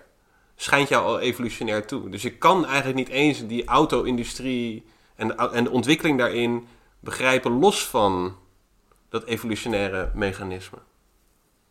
Dat staat, dat, staat, dat staat haaks op wat je net zegt hoor. Want je zegt inderdaad, juist, ja, mensen zijn juist heel druk bezig met steeds een betere auto ontdekken. Maar je merkt toch hier wel dat eigenlijk de blik steeds ehm, Darwinistisch is. Hè, daar haalt op een gegeven moment ook Popper aan, die ook zegt: de voortgang van de, van de wetenschap is een evolutionair proces. Uh, uh, inderdaad, die modellen maken is een, is een evolutionair proces. Uh, nieuwe computers en, en de, de, vooruitgang die daarin zit, is een, moet je beschouwen als een Er zit ook een filogenetische boom, zou je ervan kunnen maken, misschien nog zelfs. Ja. Um, maar wat is, daar, wat, wat, wat is daarop tegen? Waarom zou dat, waarom, want in, ja, op een bepaalde manier die auto. Nou ja, omdat, omdat het, die... is, het is niet zo dat auto's worden in objectieve zin steeds beter. Dat kunnen gewoon ook metrics voor aanleggen. Zijn ja. efficiënter met brandstofgebruik en veiliger en, en weet ik veel wat. En je zou niet verwachten dat er een soort verlies aan functie is in een auto. Dat op een gegeven moment maar zou je daar ook niet van kunnen zeggen dat, dat ook dat maar de vraag is bijvoorbeeld? Dat, dat inderdaad nu lijkt dat een, een trend naar verbetering of zu- zuiniger zijn of, of, of ga zo maar door. Maar dat je op een gegeven moment bijvoorbeeld ook... eh, dat, het uiteindelijk ook daar de, de replicatie de boventoon voert. Dus dat je bijvoorbeeld inderdaad als er, als er maar gewoon weer een hele goede... eh, Ja, T. ja ik, ik, ik, ik probeer te verzinnen wat ik nou precies denk. Waar ik aan zat te denken is, in de evolutie zit er niet per se een opgaande lijn in die zin dat er verlies van functie bijvoorbeeld kan Mhm. zijn. Hè, zeg maar, organismen die terechtkomen in een grot en op een gegeven moment dan dus zicht verliezen. Of eh, eh, parasieten die in, in een eh, lijf komen te wonen en dan allerlei functies verliezen omdat nou, met de gastheer die da- daarvoor zorgt. Maar dat is wel eh, nog steeds eh, in zekere zin een verbetering. eh, in die zin dat ze gewoon ze selecteren op, op, op efficiëntie. En het is nou, ogen zijn nou helemaal kostbaar. En als het in de grot Ja. donker is, dan heeft het geen zin om ogen te bouwen. Dus, Mhm. dus laat maar zitten. En voor automodellen kan natuurlijk ook diezelfde selectieve arena veranderen. En volgens mij wou jij daar naartoe. En op dit moment selecteren we op brandstoffen-efficiëntie. Mhm. Maar misschien is dat, verandert die hele arena op een gegeven moment. Ja. En, en is dat dus niet meer iets waarop geselecteerd wordt. En, Dus je vond nu met ja, die smartphone, ja. hè? je gaat naar van de iPhone eh, 1 tot, tot, tot, tot 11, of weet ik veel waar we nu ongeveer zitten. Volgens mij zitten we bij 11. Eh, tegelijkertijd zie je bijvoorbeeld ergens opkomen de, de, de, de dumbphone. Hè? Dat is dan gewoon inderdaad een, een soort iPhone shell, eh, waar je dan alleen maar een wekker op kan zetten volgens mij. En alleen maar mee kan bellen en sms'en. Ja. Dat je, Maar, maar die is dan toch nog steeds nuttig, alleen in een andere context. ja, ja, precies. Maar je ziet dan wel in één keer dat, dat, dat daar afsplitsingen in, in, in, in kunnen zitten. Ja, ik, denk, ten- ik denk dat het een, een groter verschil is, denk ik, gewoon de, de intentie of het eh, teleologische of zo. Die telefoons en auto's die worden ontworpen door iemand. Ja. En, en levende dingen worden niet ontworpen met een bepaald doel. Nee, nee, precies. Zo kan je er wel over spreken, maar je, Ja. dat, is een, dat is een misvatting. Ja, Tegelijkertijd zie je natuurlijk ook bij het ontwerp dat er wel variatie kan opkomen. Er kan in één keer een, een ingeving zijn die, ehm, ja, die, niet uit, die niet uit de lucht komt vallen, maar die wel als, als bijvoorbeeld een bepaalde variatie werkt. Namelijk dat het op een gegeven moment gewoon wordt geïncorporeerd door alle... Hè, dat ja, ja het, de populatie- touchscreen was natuurlijk Ja, eh, de key innovation die vervolgens tot een adaptieve radiatie in uh, touchscreen, eh, terwijl het daarvoor van die klaptelefoontjes waren. Ja, Ja, ja, dat is waar. Ja, mijn docent die zei ten aanzien van memen altijd dat, dat wel ergens misschien aanspraak kan worden gemaakt op een soort genotype. Eh, hij plaatste dat, of hij zag dat ten aanzien van de taal in bijvoorbeeld eh, in de Europese wortels van, de, van, de, van, van woorden. Hè. Dat je inderdaad bijvoorbeeld kan zeggen van ja, dit boek, deze, deze samenstelling van, van woorden, die, die ligt ergens. En die leeft zodra ik ermee in aanraking kom. Ja. Eh, die, in, die, in die zin iets vi- viraals heeft. En dat heeft ook nog eens een keer iets wat, wat dan eh, door mij kan worden gevolgd. Omdat ik... eh, Ja, ja precies. Ja. Er, er is een informatiedrager voor het meme. En Ja. dat kunnen de letters in het boek zijn. Of het kan, hè, dat het, eh, zoals wat wij nu aan het doen zijn, via spraak wordt overgebracht. Of eh, via een plaatje waar je naar kijkt. Maar dat, daar, er is een soort informatiedrager. Dat, en dat is het genotype. En vervolgens eh, wat, wat het doet in onze hoofden. En, en wat wij doen om dat te verspreiden, is eigenlijk het, het fenotype. Of het soort extended phenotype van die informatiedrager. ja. Zoiets. Ja, daar zou het in ieder geval mee te maken hebben. dit, gesprek, dit gesprek is eigenlijk eh, de onderdeel van de extended phenotype van de letters van het boek dat hier naast ons ligt. Ja, ik zou zeggen, ja, op een bepaalde manier heeft dat inderdaad misschien een, een dermate virale werking. Al is dat Ja. ongetwijfeld voor, voor twee personen eh, die dat lezen niet helemaal gelijk. Maar je kan toch tot Ja. een gesprek komen. Dus er zal inderdaad een, een vergelijkbare infectie... Ja, Richard Dawkins die heeft hier eh, een, een genotype gecreëerd dat, eh, dat on- hier ons eh, nu eh, parasiteert. Zodat wij hier onze tijd zitten te verdoen. Ja, ja. En het heeft daarmee ook echt en, iets en een beetje iets viraals. voor gebruikt. En dat gaan andere Ja. mensen, de men- de- op het moment dat de mensen, de, de mensen thuis hier naar zitten te luisteren, dan, eh, die worden ook weer geparasiteerd door de ideeën van Richard Dawkins. Ja, het is Eh, enorm. Het is echt Inception. Het is Ja. inderdaad echt soort turtles all the way down. Het Ja. is niet alleen is het miljarden jaren van evolutie. Die hebben uiteindelijk dit boek hebben uitgespuwd. Ja, Ondanks dat het een blind proces is zonder doel. Maar dat niet alleen het, uit, dat het boek ook vervolgens weer zichzelf de hele tijd uitspeelt in nieuwe edities. Ja. Die dan vervolgens weer worden gelezen en dan weer vervolgens worden gedeeld op een podcast. En, ja. Ja. Ja, ja, ja, Zeker. want natuurlijk die nieuwe edities, die hebben natuurlijk alleen maar geïncipieerd doordat deze ideeën zich blijven verspreiden. Ja. En bijvoorbeeld deze podcast en deze gesprekken. Er zou geen uitgever op het idee komen, we doen weer een editie als niemand het ooit over dat boek heeft. Nee, nee, nee, nee, nee, nee, nee, precies, precies. Ja, nee, dat is zeker zo. En inderdaad, je raakt al heel even kort aan uitgebreide fenotypen. Want dat is dan het, het- eigenlijk het laatste idee wat hij eraan toevoegt. En Ja. volgens mij is dat gewoon een consequentie van het verlaten van het individu als centrum voor, voor, voor evolutie. Dus bij, bij Darwin is het eigenlijk het, het, het zelfzuchtige individu. Het is het individu wat geeft ons zijn eigen overleven. Daar zitten allemaal problemen aan verbonden vervolgens. Vooral als die, gaat, als die eh, seksuele selectie ontdekt. Omdat het, dan, omdat het dan eigenlijk heel lastig wordt inderdaad om uit te leggen dat, ehm, dat mannetjes in plaats van dat ze, dat ze eten bijvoorbeeld halen om zelf te overleven, dat ze ontzettend veel moeite doen eh, om, om toegang te hebben tot het andere geslacht. Ja. Dus Darwin zit daar heel erg in zijn maag met, met, eh, met, vermenig, met vermenigvuldiging. En omdat, omdat, omdat hij eigenlijk niet goed kan uitleggen wat is nou de survival of the fittest, wat is nou eigenlijk de, de, de, wat is dan het, de fittest? Is dat dan het organisme of is dat dan toch de voortplanting of is het de, de, de soort of de, of de populatie? Ja, maar dat is natuurlijk. eh, Darwin wist bepaalde dingen ook niet en had het daarom op bepaalde manier ook mis. Dus daar, dat is ook een van de redenen waarom ik niet wil zeggen, nou, we zijn Darwinisten. Hij, wist niet, hij wist niet van eh, genen of eh, hoe die Nee. informatie überhaupt wordt overgedragen. En hij had ook eigenlijk ideeën die niet klopten over erfelijkheid. Namelijk dat Ja. het een soort mengvorm is. Hè? Als je, als je een, een rode vader hebt en een blauwe moeder, dan is het kindje paars. Ja, Hè, dat, dat, dat dacht Darwin, maar dat kan niet werken. Dus er moet een discrete... eh, eh, Hij heeft wel het woord dus bijvoorbeeld aangedragen. Dus hij heeft inderdaad een soort, eh, wat hij dan noemt, pangenese. In een van zijn eh, laatste boeken over de domesticatie en variatie bij, eh, bij eh, dieren en planten. En dan komt hij tot een soort, nou ja, zijn variant van, ehm, nou ja, wat je zou kunnen noemen erfelijkheidsleer. Hij komt daar totaal niet uit, maar hij heeft inderdaad een soort van pangenetische gedachte dan. Dat hij dat denkt dan, alle verschillende cellen in het lichaam, die geven iets mee aan de gameet ja.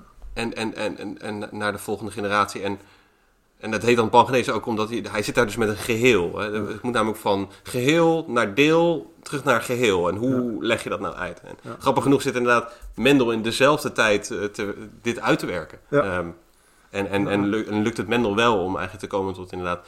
Want ja, hij heeft inderdaad een probleem inderdaad met die grote vermenging. Dat is, dat is een grote kritiek op hem geweest. Dat hij eigenlijk niet heeft uit kunnen leggen hoe die vermenging nou... ja, hoe die vermenging... Tenminste, dat, nou, die vermenging brengt problemen. Of dat, die, dat die gedachte brengt problemen met zich mee. ja, ja. Maar ergens is het ook een soort van, voor, van zelfsprekendheid te belang geweest voor de biologie... om het individuele organisme te zien als eenheid.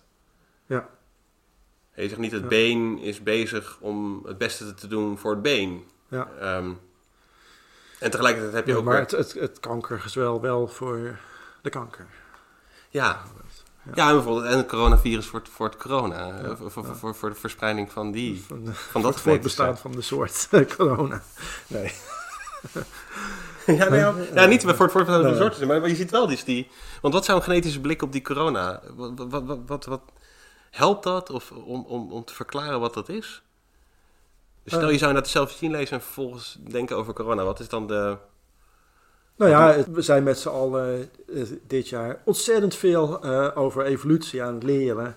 En over filogenie en zo. En dat is op zich wel heel interessant daaraan. Eh, misschien erg dat ik dat zo uitdruk. Maar er is ineens... hè, onze hele wereld is op zijn kop gezet door een, een evoluerend iets. En hoe zich dat gedraagt, hoe de evolutie zich manifesteert in dat organisme, is van ontzettend groot belang voor ons en voor de economie en voor het feit dat we elkaar nou geen handje mogen geven en, Mhm. voor, en, en hoe de toekomst eruit gaat zien. Hè, dus er zijn allerlei eh, vragen. Ten eerste, in hoeverre is er natuurlijke selectie op onszelf? Bijvoorbeeld, eh, we zagen net, we stonden net koffie te halen en er lag daar een krant met een krantenkop van, goh, het, het lijkt nou alsof er zich minder ernstige gevallen uh, manifesteren in patiënten ten opzichte van de eerdere golf. Nou, is dat, al, is dat een vorm van een uitkomst van natuurlijke selectie in de menselijke populatie? Mm Nou, dat de mensen die meer vatbaar zijn al in uh, maart het haasje waren. En misschien ook al dat de sterfgevallen toen hebben plaatsgevonden en vervolgens uit de populatie zijn. Of is, er, het, is het een uitkomst van natuurlijke selectie op het virus? Namelijk, hè, er zijn uh, ideeën dat het vanuit het perspectief van een virus gedacht is het helemaal niet gunstig om mensen zwaar ziek te laten worden.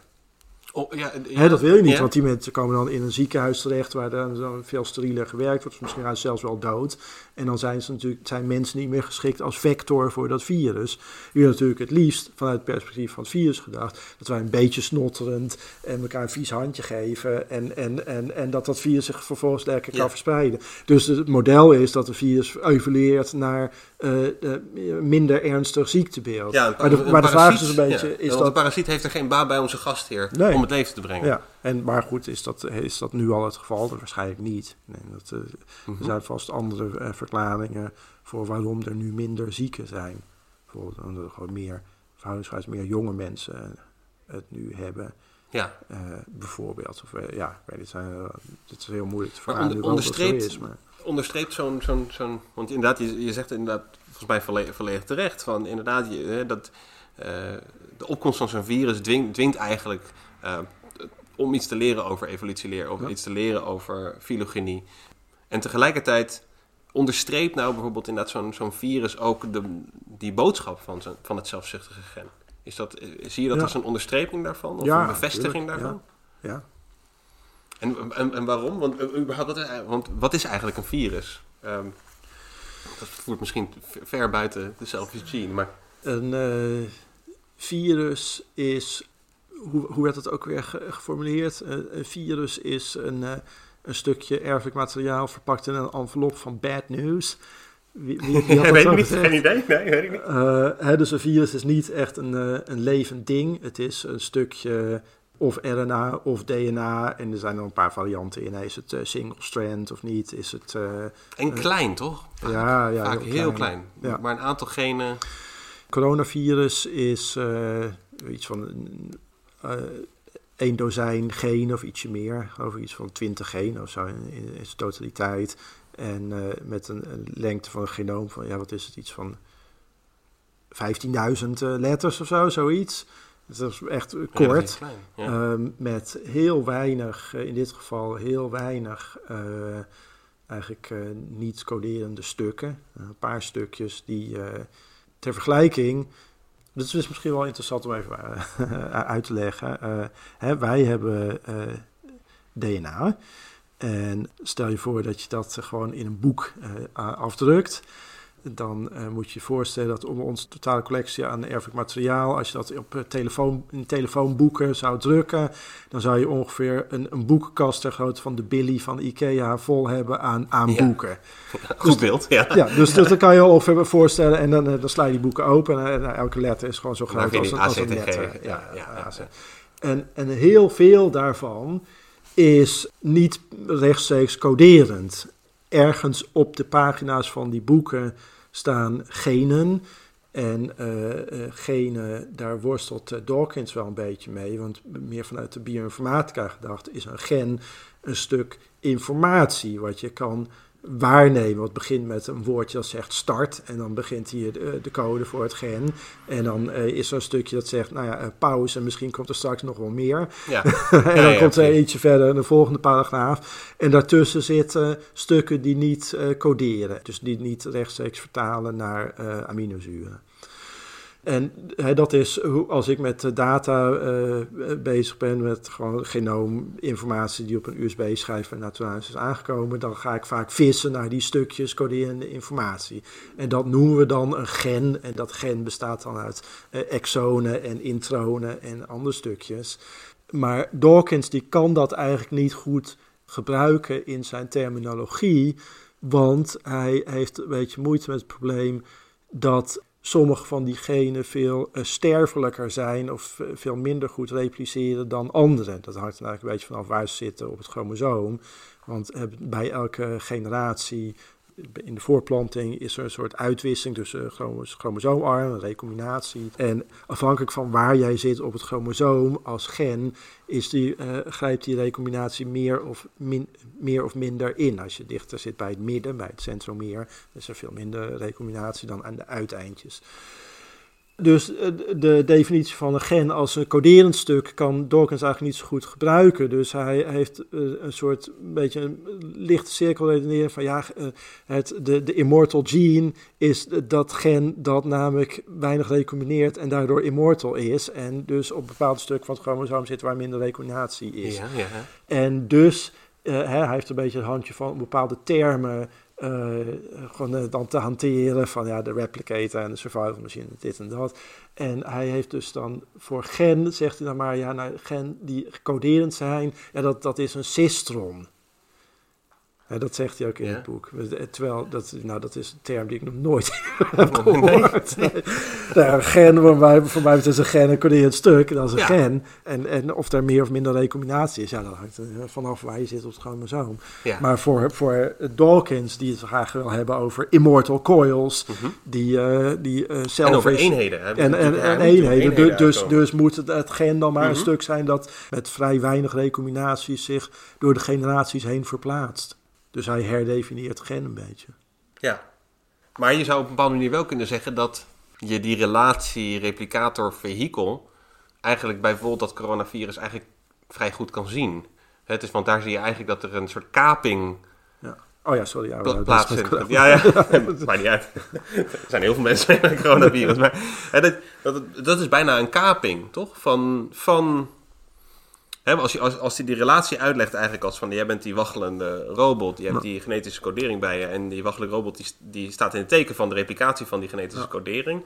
dan gebeurt er met een virale infectie eigenlijk... is daar dan een soort kaping vindt er plaats van, van het vehikel.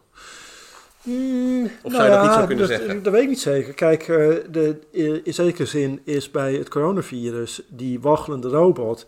dat is dat balletje met die puntjes dat we overal zien. En, en, en, wij zijn gewoon onderdeel van het ecosysteem waarin die waggelende robot zich beweegt. En onze longen en onze uh, ACE, ACE2-receptoren, die zijn gewoon Dus die envelop, dat is eigenlijk... dat, dat, is, dat, is het robotje. Ja. ja. Maar tegelijkertijd zeg je, ja, maar dat, eh, dat heeft een beetje een schimmige status. Het leeft en het leeft niet.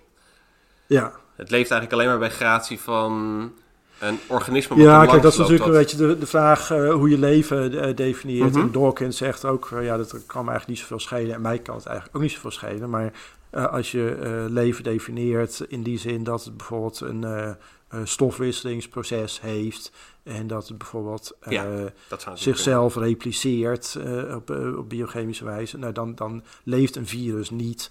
Want een virus heeft geen stofwisseling, en het repliceren van het virus wordt door de gastheer gedaan. Wij maken... ik bijvoorbeeld dus inderdaad zo'n woord in zo'n boek een, daar een goed voorbeeld van. Hè? Je kan, dat woord in het boek kan gewoon eeuwenlang kan dat in een bibliotheek van Alexandrië staan of wat ook. Totdat er iemand langskomt. Totdat hij wordt afgebrand. En dan totdat hij wordt afgebrand, inderdaad, dat is een slecht voorbeeld. Maar hij staat eeuwenlang in de bibliotheek en iemand haalt het eruit en die leest dat. En dat woord, dat gaat zich nestelen in jouw brein. En dat gaat vervolgens van brein naar brein naar brein naar brein naar brein. Virale, dat, uh, ja, dat klopt. En op een vergelijkbare manier zou je kunnen zeggen dat virus, dat ligt daar op een bepaalde manier. Uh, kan ook een tijd blijven liggen uh, op een bepaalde manier. En is afhankelijk van het feit dat er op een gegeven moment iets langskomt wat de replicatie eigenlijk tot stand brengt. Ja, ja dat is waar. En is, en, en, maar je hebt gelijk, die heeft natuurlijk ook alweer zelf wel iets van een maar van dat een vehikel, namelijk die envelop. Ja. Dat is eigenlijk het vehikel dan vervolgens van, van, het, van het virus. Maar dat is een soort insurgent vehikel. Uh, namelijk uh, is in staat om eigenlijk een, een ander vehikel te, te, te kapen voor zijn replicatie. Ja, maar er zijn natuurlijk allerlei ook levende dingen die andere vehikels kapen voor hun eigen voortbestaan. Mm dat, dat doen wij op allerlei manieren. Ja, hij heeft het natuurlijk in het, voor, in het, in, in het hoofdstuk over de, de extended phenotype, heeft hij het ook over um, parasieten die bijvoorbeeld inderdaad de, de voorplanting van een krab of zo aanpassen. Ik weet niet eens wat voor parasiet dat precies is. Ja, ja dat was interessant. Iets van een, ja. een barnacle. Maar, dat, maar trouwens natuurlijk uh, bijvoorbeeld het snotteren en niezen van de coronapatiënten is natuurlijk typisch bijvoorbeeld van het extended phenotype van het coronavirus. Ja, want inderdaad, het extended phenotype is eigenlijk de manipulatie van het genetisch materiaal op de wereld. Ja. Eh, eh, voorbij. ehm, of het, eigenlijk is het wel, het is eh, aan de ene kant wel interessant dat die, eh, kijk, de, het extended phenotype, ja, dat is hoe, hoe manifesteert nou het genotype uiteindelijk zich niet alleen in het fenotype van het organisme, in maar in de omgeving eromheen. Hè? Dus eh, het, het genoom van de bever manifesteert zich niet alleen in, in die bever met die staart en die tandjes, maar ook eh, de, de, de burcht en de dam en het vijvertje. Ja. Eh, en eh, dus dat is onderdeel, dat is het, het uitgebreide fenotype van hoe diegenen uiteindelijk hun, hun omgeving manipuleren. Ja. En in dit geval manipuleert het genoom van dat virus de omgeving door ervoor te zorgen dat ons luchtwegen een beetje geïrriteerd raken en wij lekker gaan snotten, waardoor dat virus zich verder kan verspreiden. En dat is dan inderdaad de manipulatie op de wereld in zijn geheel. Namelijk het tast ons immuunsysteem eh, zo aan dat het kan, kan min of meer... hè, dat, dat het inderdaad in dienst staat van de verspreiding van, eh, van dat virus. Nou, Ja. door te snotteren en door te niezen. Ja. En daar zie je ook tegelijkertijd weer dat dus inderdaad intenties helemaal niet noodzakelijk zijn. Dat is gewoon wat er gebeurt. Ja. Ja. Zonder dat dat Wat eh, wel grappig van- aan is, ik weet niet of je dat een beetje hebt eh, eh, gevolgd. eh, wetenschap is natuurlijk ook aan modeverschijnselen onderhevig. En de wetenschappelijke wereld is eh, ontzettend competitief. dus het helpt ontzettend om een soort stik te hebben, of een soort eh, een nieuw merk te hebben wat een beetje verkoopt. Want eh, dan misschien krijg je dan uiteindelijk toch wel een keer die vermalendijde beurs toegekend en dat, dat paper Zeker. in Nature. Ehm, dus er, het is, er is ontzettende selectiedruk om eh, nieuwe ideetjes en memes eh, in, in de wereld te brengen. Zeker, ja. En eentje daarvan is bijvoorbeeld de recente mode om eh, dat extended phenotype als volgt te gebruiken. Er is eigenlijk het idee, goed, we noemden de bever. Nou, de, de bever die bouwt eh, de dam en zijn, zijn vijvertje. En om, maar omgekeerd is het ook weer zo dat de dam en dat vijvertje de bever bouwen. In die zin dat natuurlijk eigenlijk die omgeving, die habitat die de bever nu zelf heeft gemanipuleerd, ook weer selectiedruk uitoefent op die bever. Dus weer Mhm. terugkoppelt. Ja. En er bijvoorbeeld voor zorgt dat hij dan weer beter tandjes krijgt om die boompjes om te hakken en een beter vijvertje te maken, et cetera, Ja. et cetera. En daar is de, de merknaam bij bedacht, eh, de Extended Evolutionary Synthesis, de IES. En er zijn dus bepaalde auteurs die dat proberen te pushen van, nou, ik ben dus eh, professor in de IES. En, en eigenlijk dat dus als, als merk, zeg maar, eh, Ja. adopteren. eh, van, ja, dat is natuurlijk een manier om je te profileren in de wetenschappelijke wereld.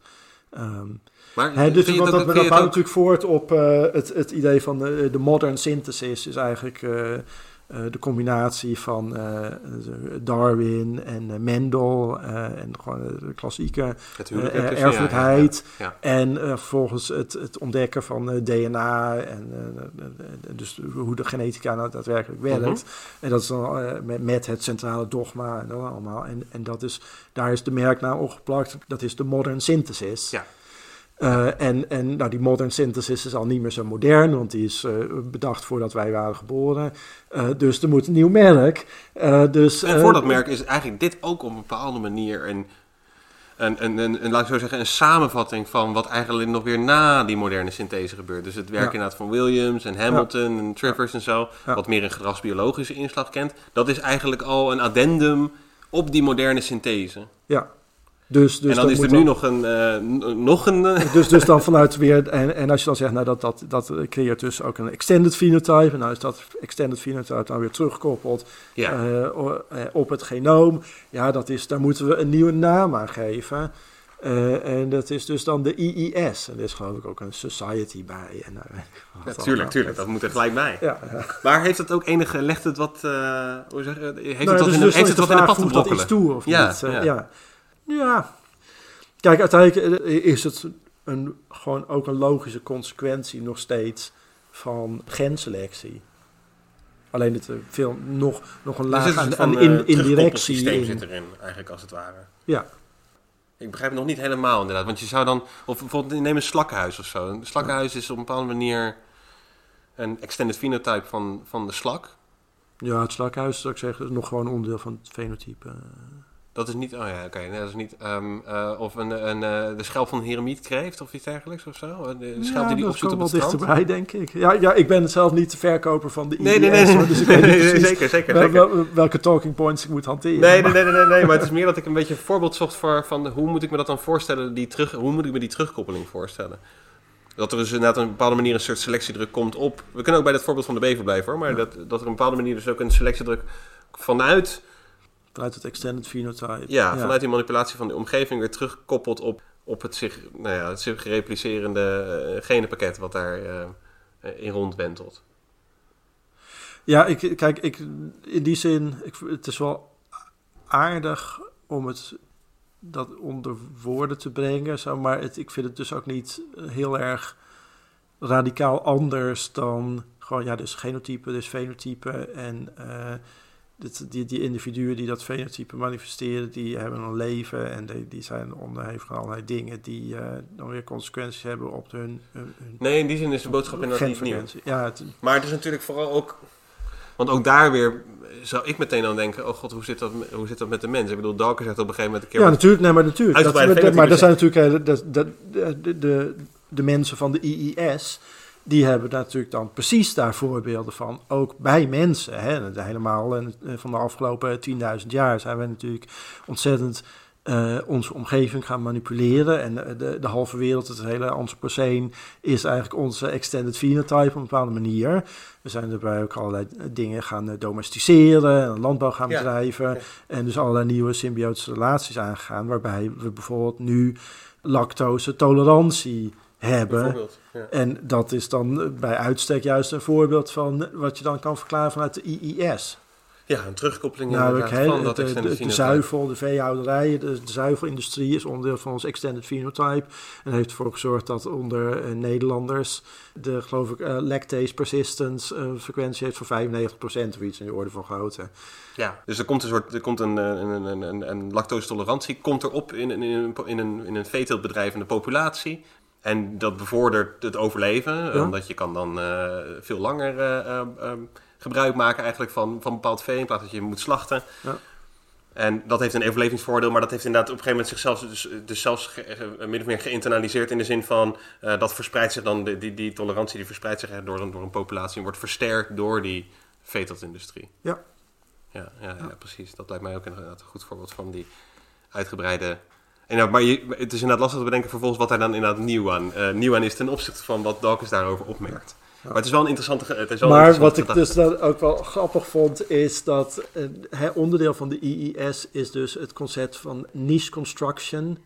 Eigenlijk dus het, het, het opbouwen van die eh, zuivel eh, eh, veeteelt is een voorbeeld van niche construction eh, die we in Nederland hebben bedreven. eh, en op andere plekken in de wereld. En dus, dus dat concept is een belangrijk onderdeel van die synthese dan. Dat er, dat er dus, eh, net als de bever, die construeert ook zijn eigen niche. Mhm. En nou zag ik op een gegeven moment ook, wel een mooi opiniestuk van iemand die eh, de IIS eigenlijk eh, oude wijn in nieuwe zakken vond. En die beschuldigde dus ook de mensen die die IIS pushen van dat zij een niche aan het construeren zijn voor hunzelf binnen, binnen het wetenschappelijk discours. Ja, want natuurlijk op een bepaalde manier... Dat is, dat is gewoon. En misschien, ja precies, en misschien zijn ze ook alweer zo'n zo'n terugkoppeling van... Je hebt dan eenmaal uiteindelijk zo'n idee van extended phenotype... dat dat dan vervolgens weer terugkoppelt... en dat je vervolgens daarop een, eh, een aanpassing krijgt... namelijk een eigen vakgebied of iets Precies. dergelijks. Ja. Lijkt me een mooi, eh, mooi einde van dit gesprek. Rutger Vos, ik wil je graag hartelijk bedanken voor dit gesprek. En we hopen dat je in de toekomst nog vaker wil aanschrijven... om te praten over andere klassiekers uit de biologie. Ja, lijkt me hartstikke leuk. En ook de dames en heren thuis bedankt voor het luisteren... en tot de volgende keer. Dit was weer een aflevering van Radio Horselnest. Dank u voor het luisteren.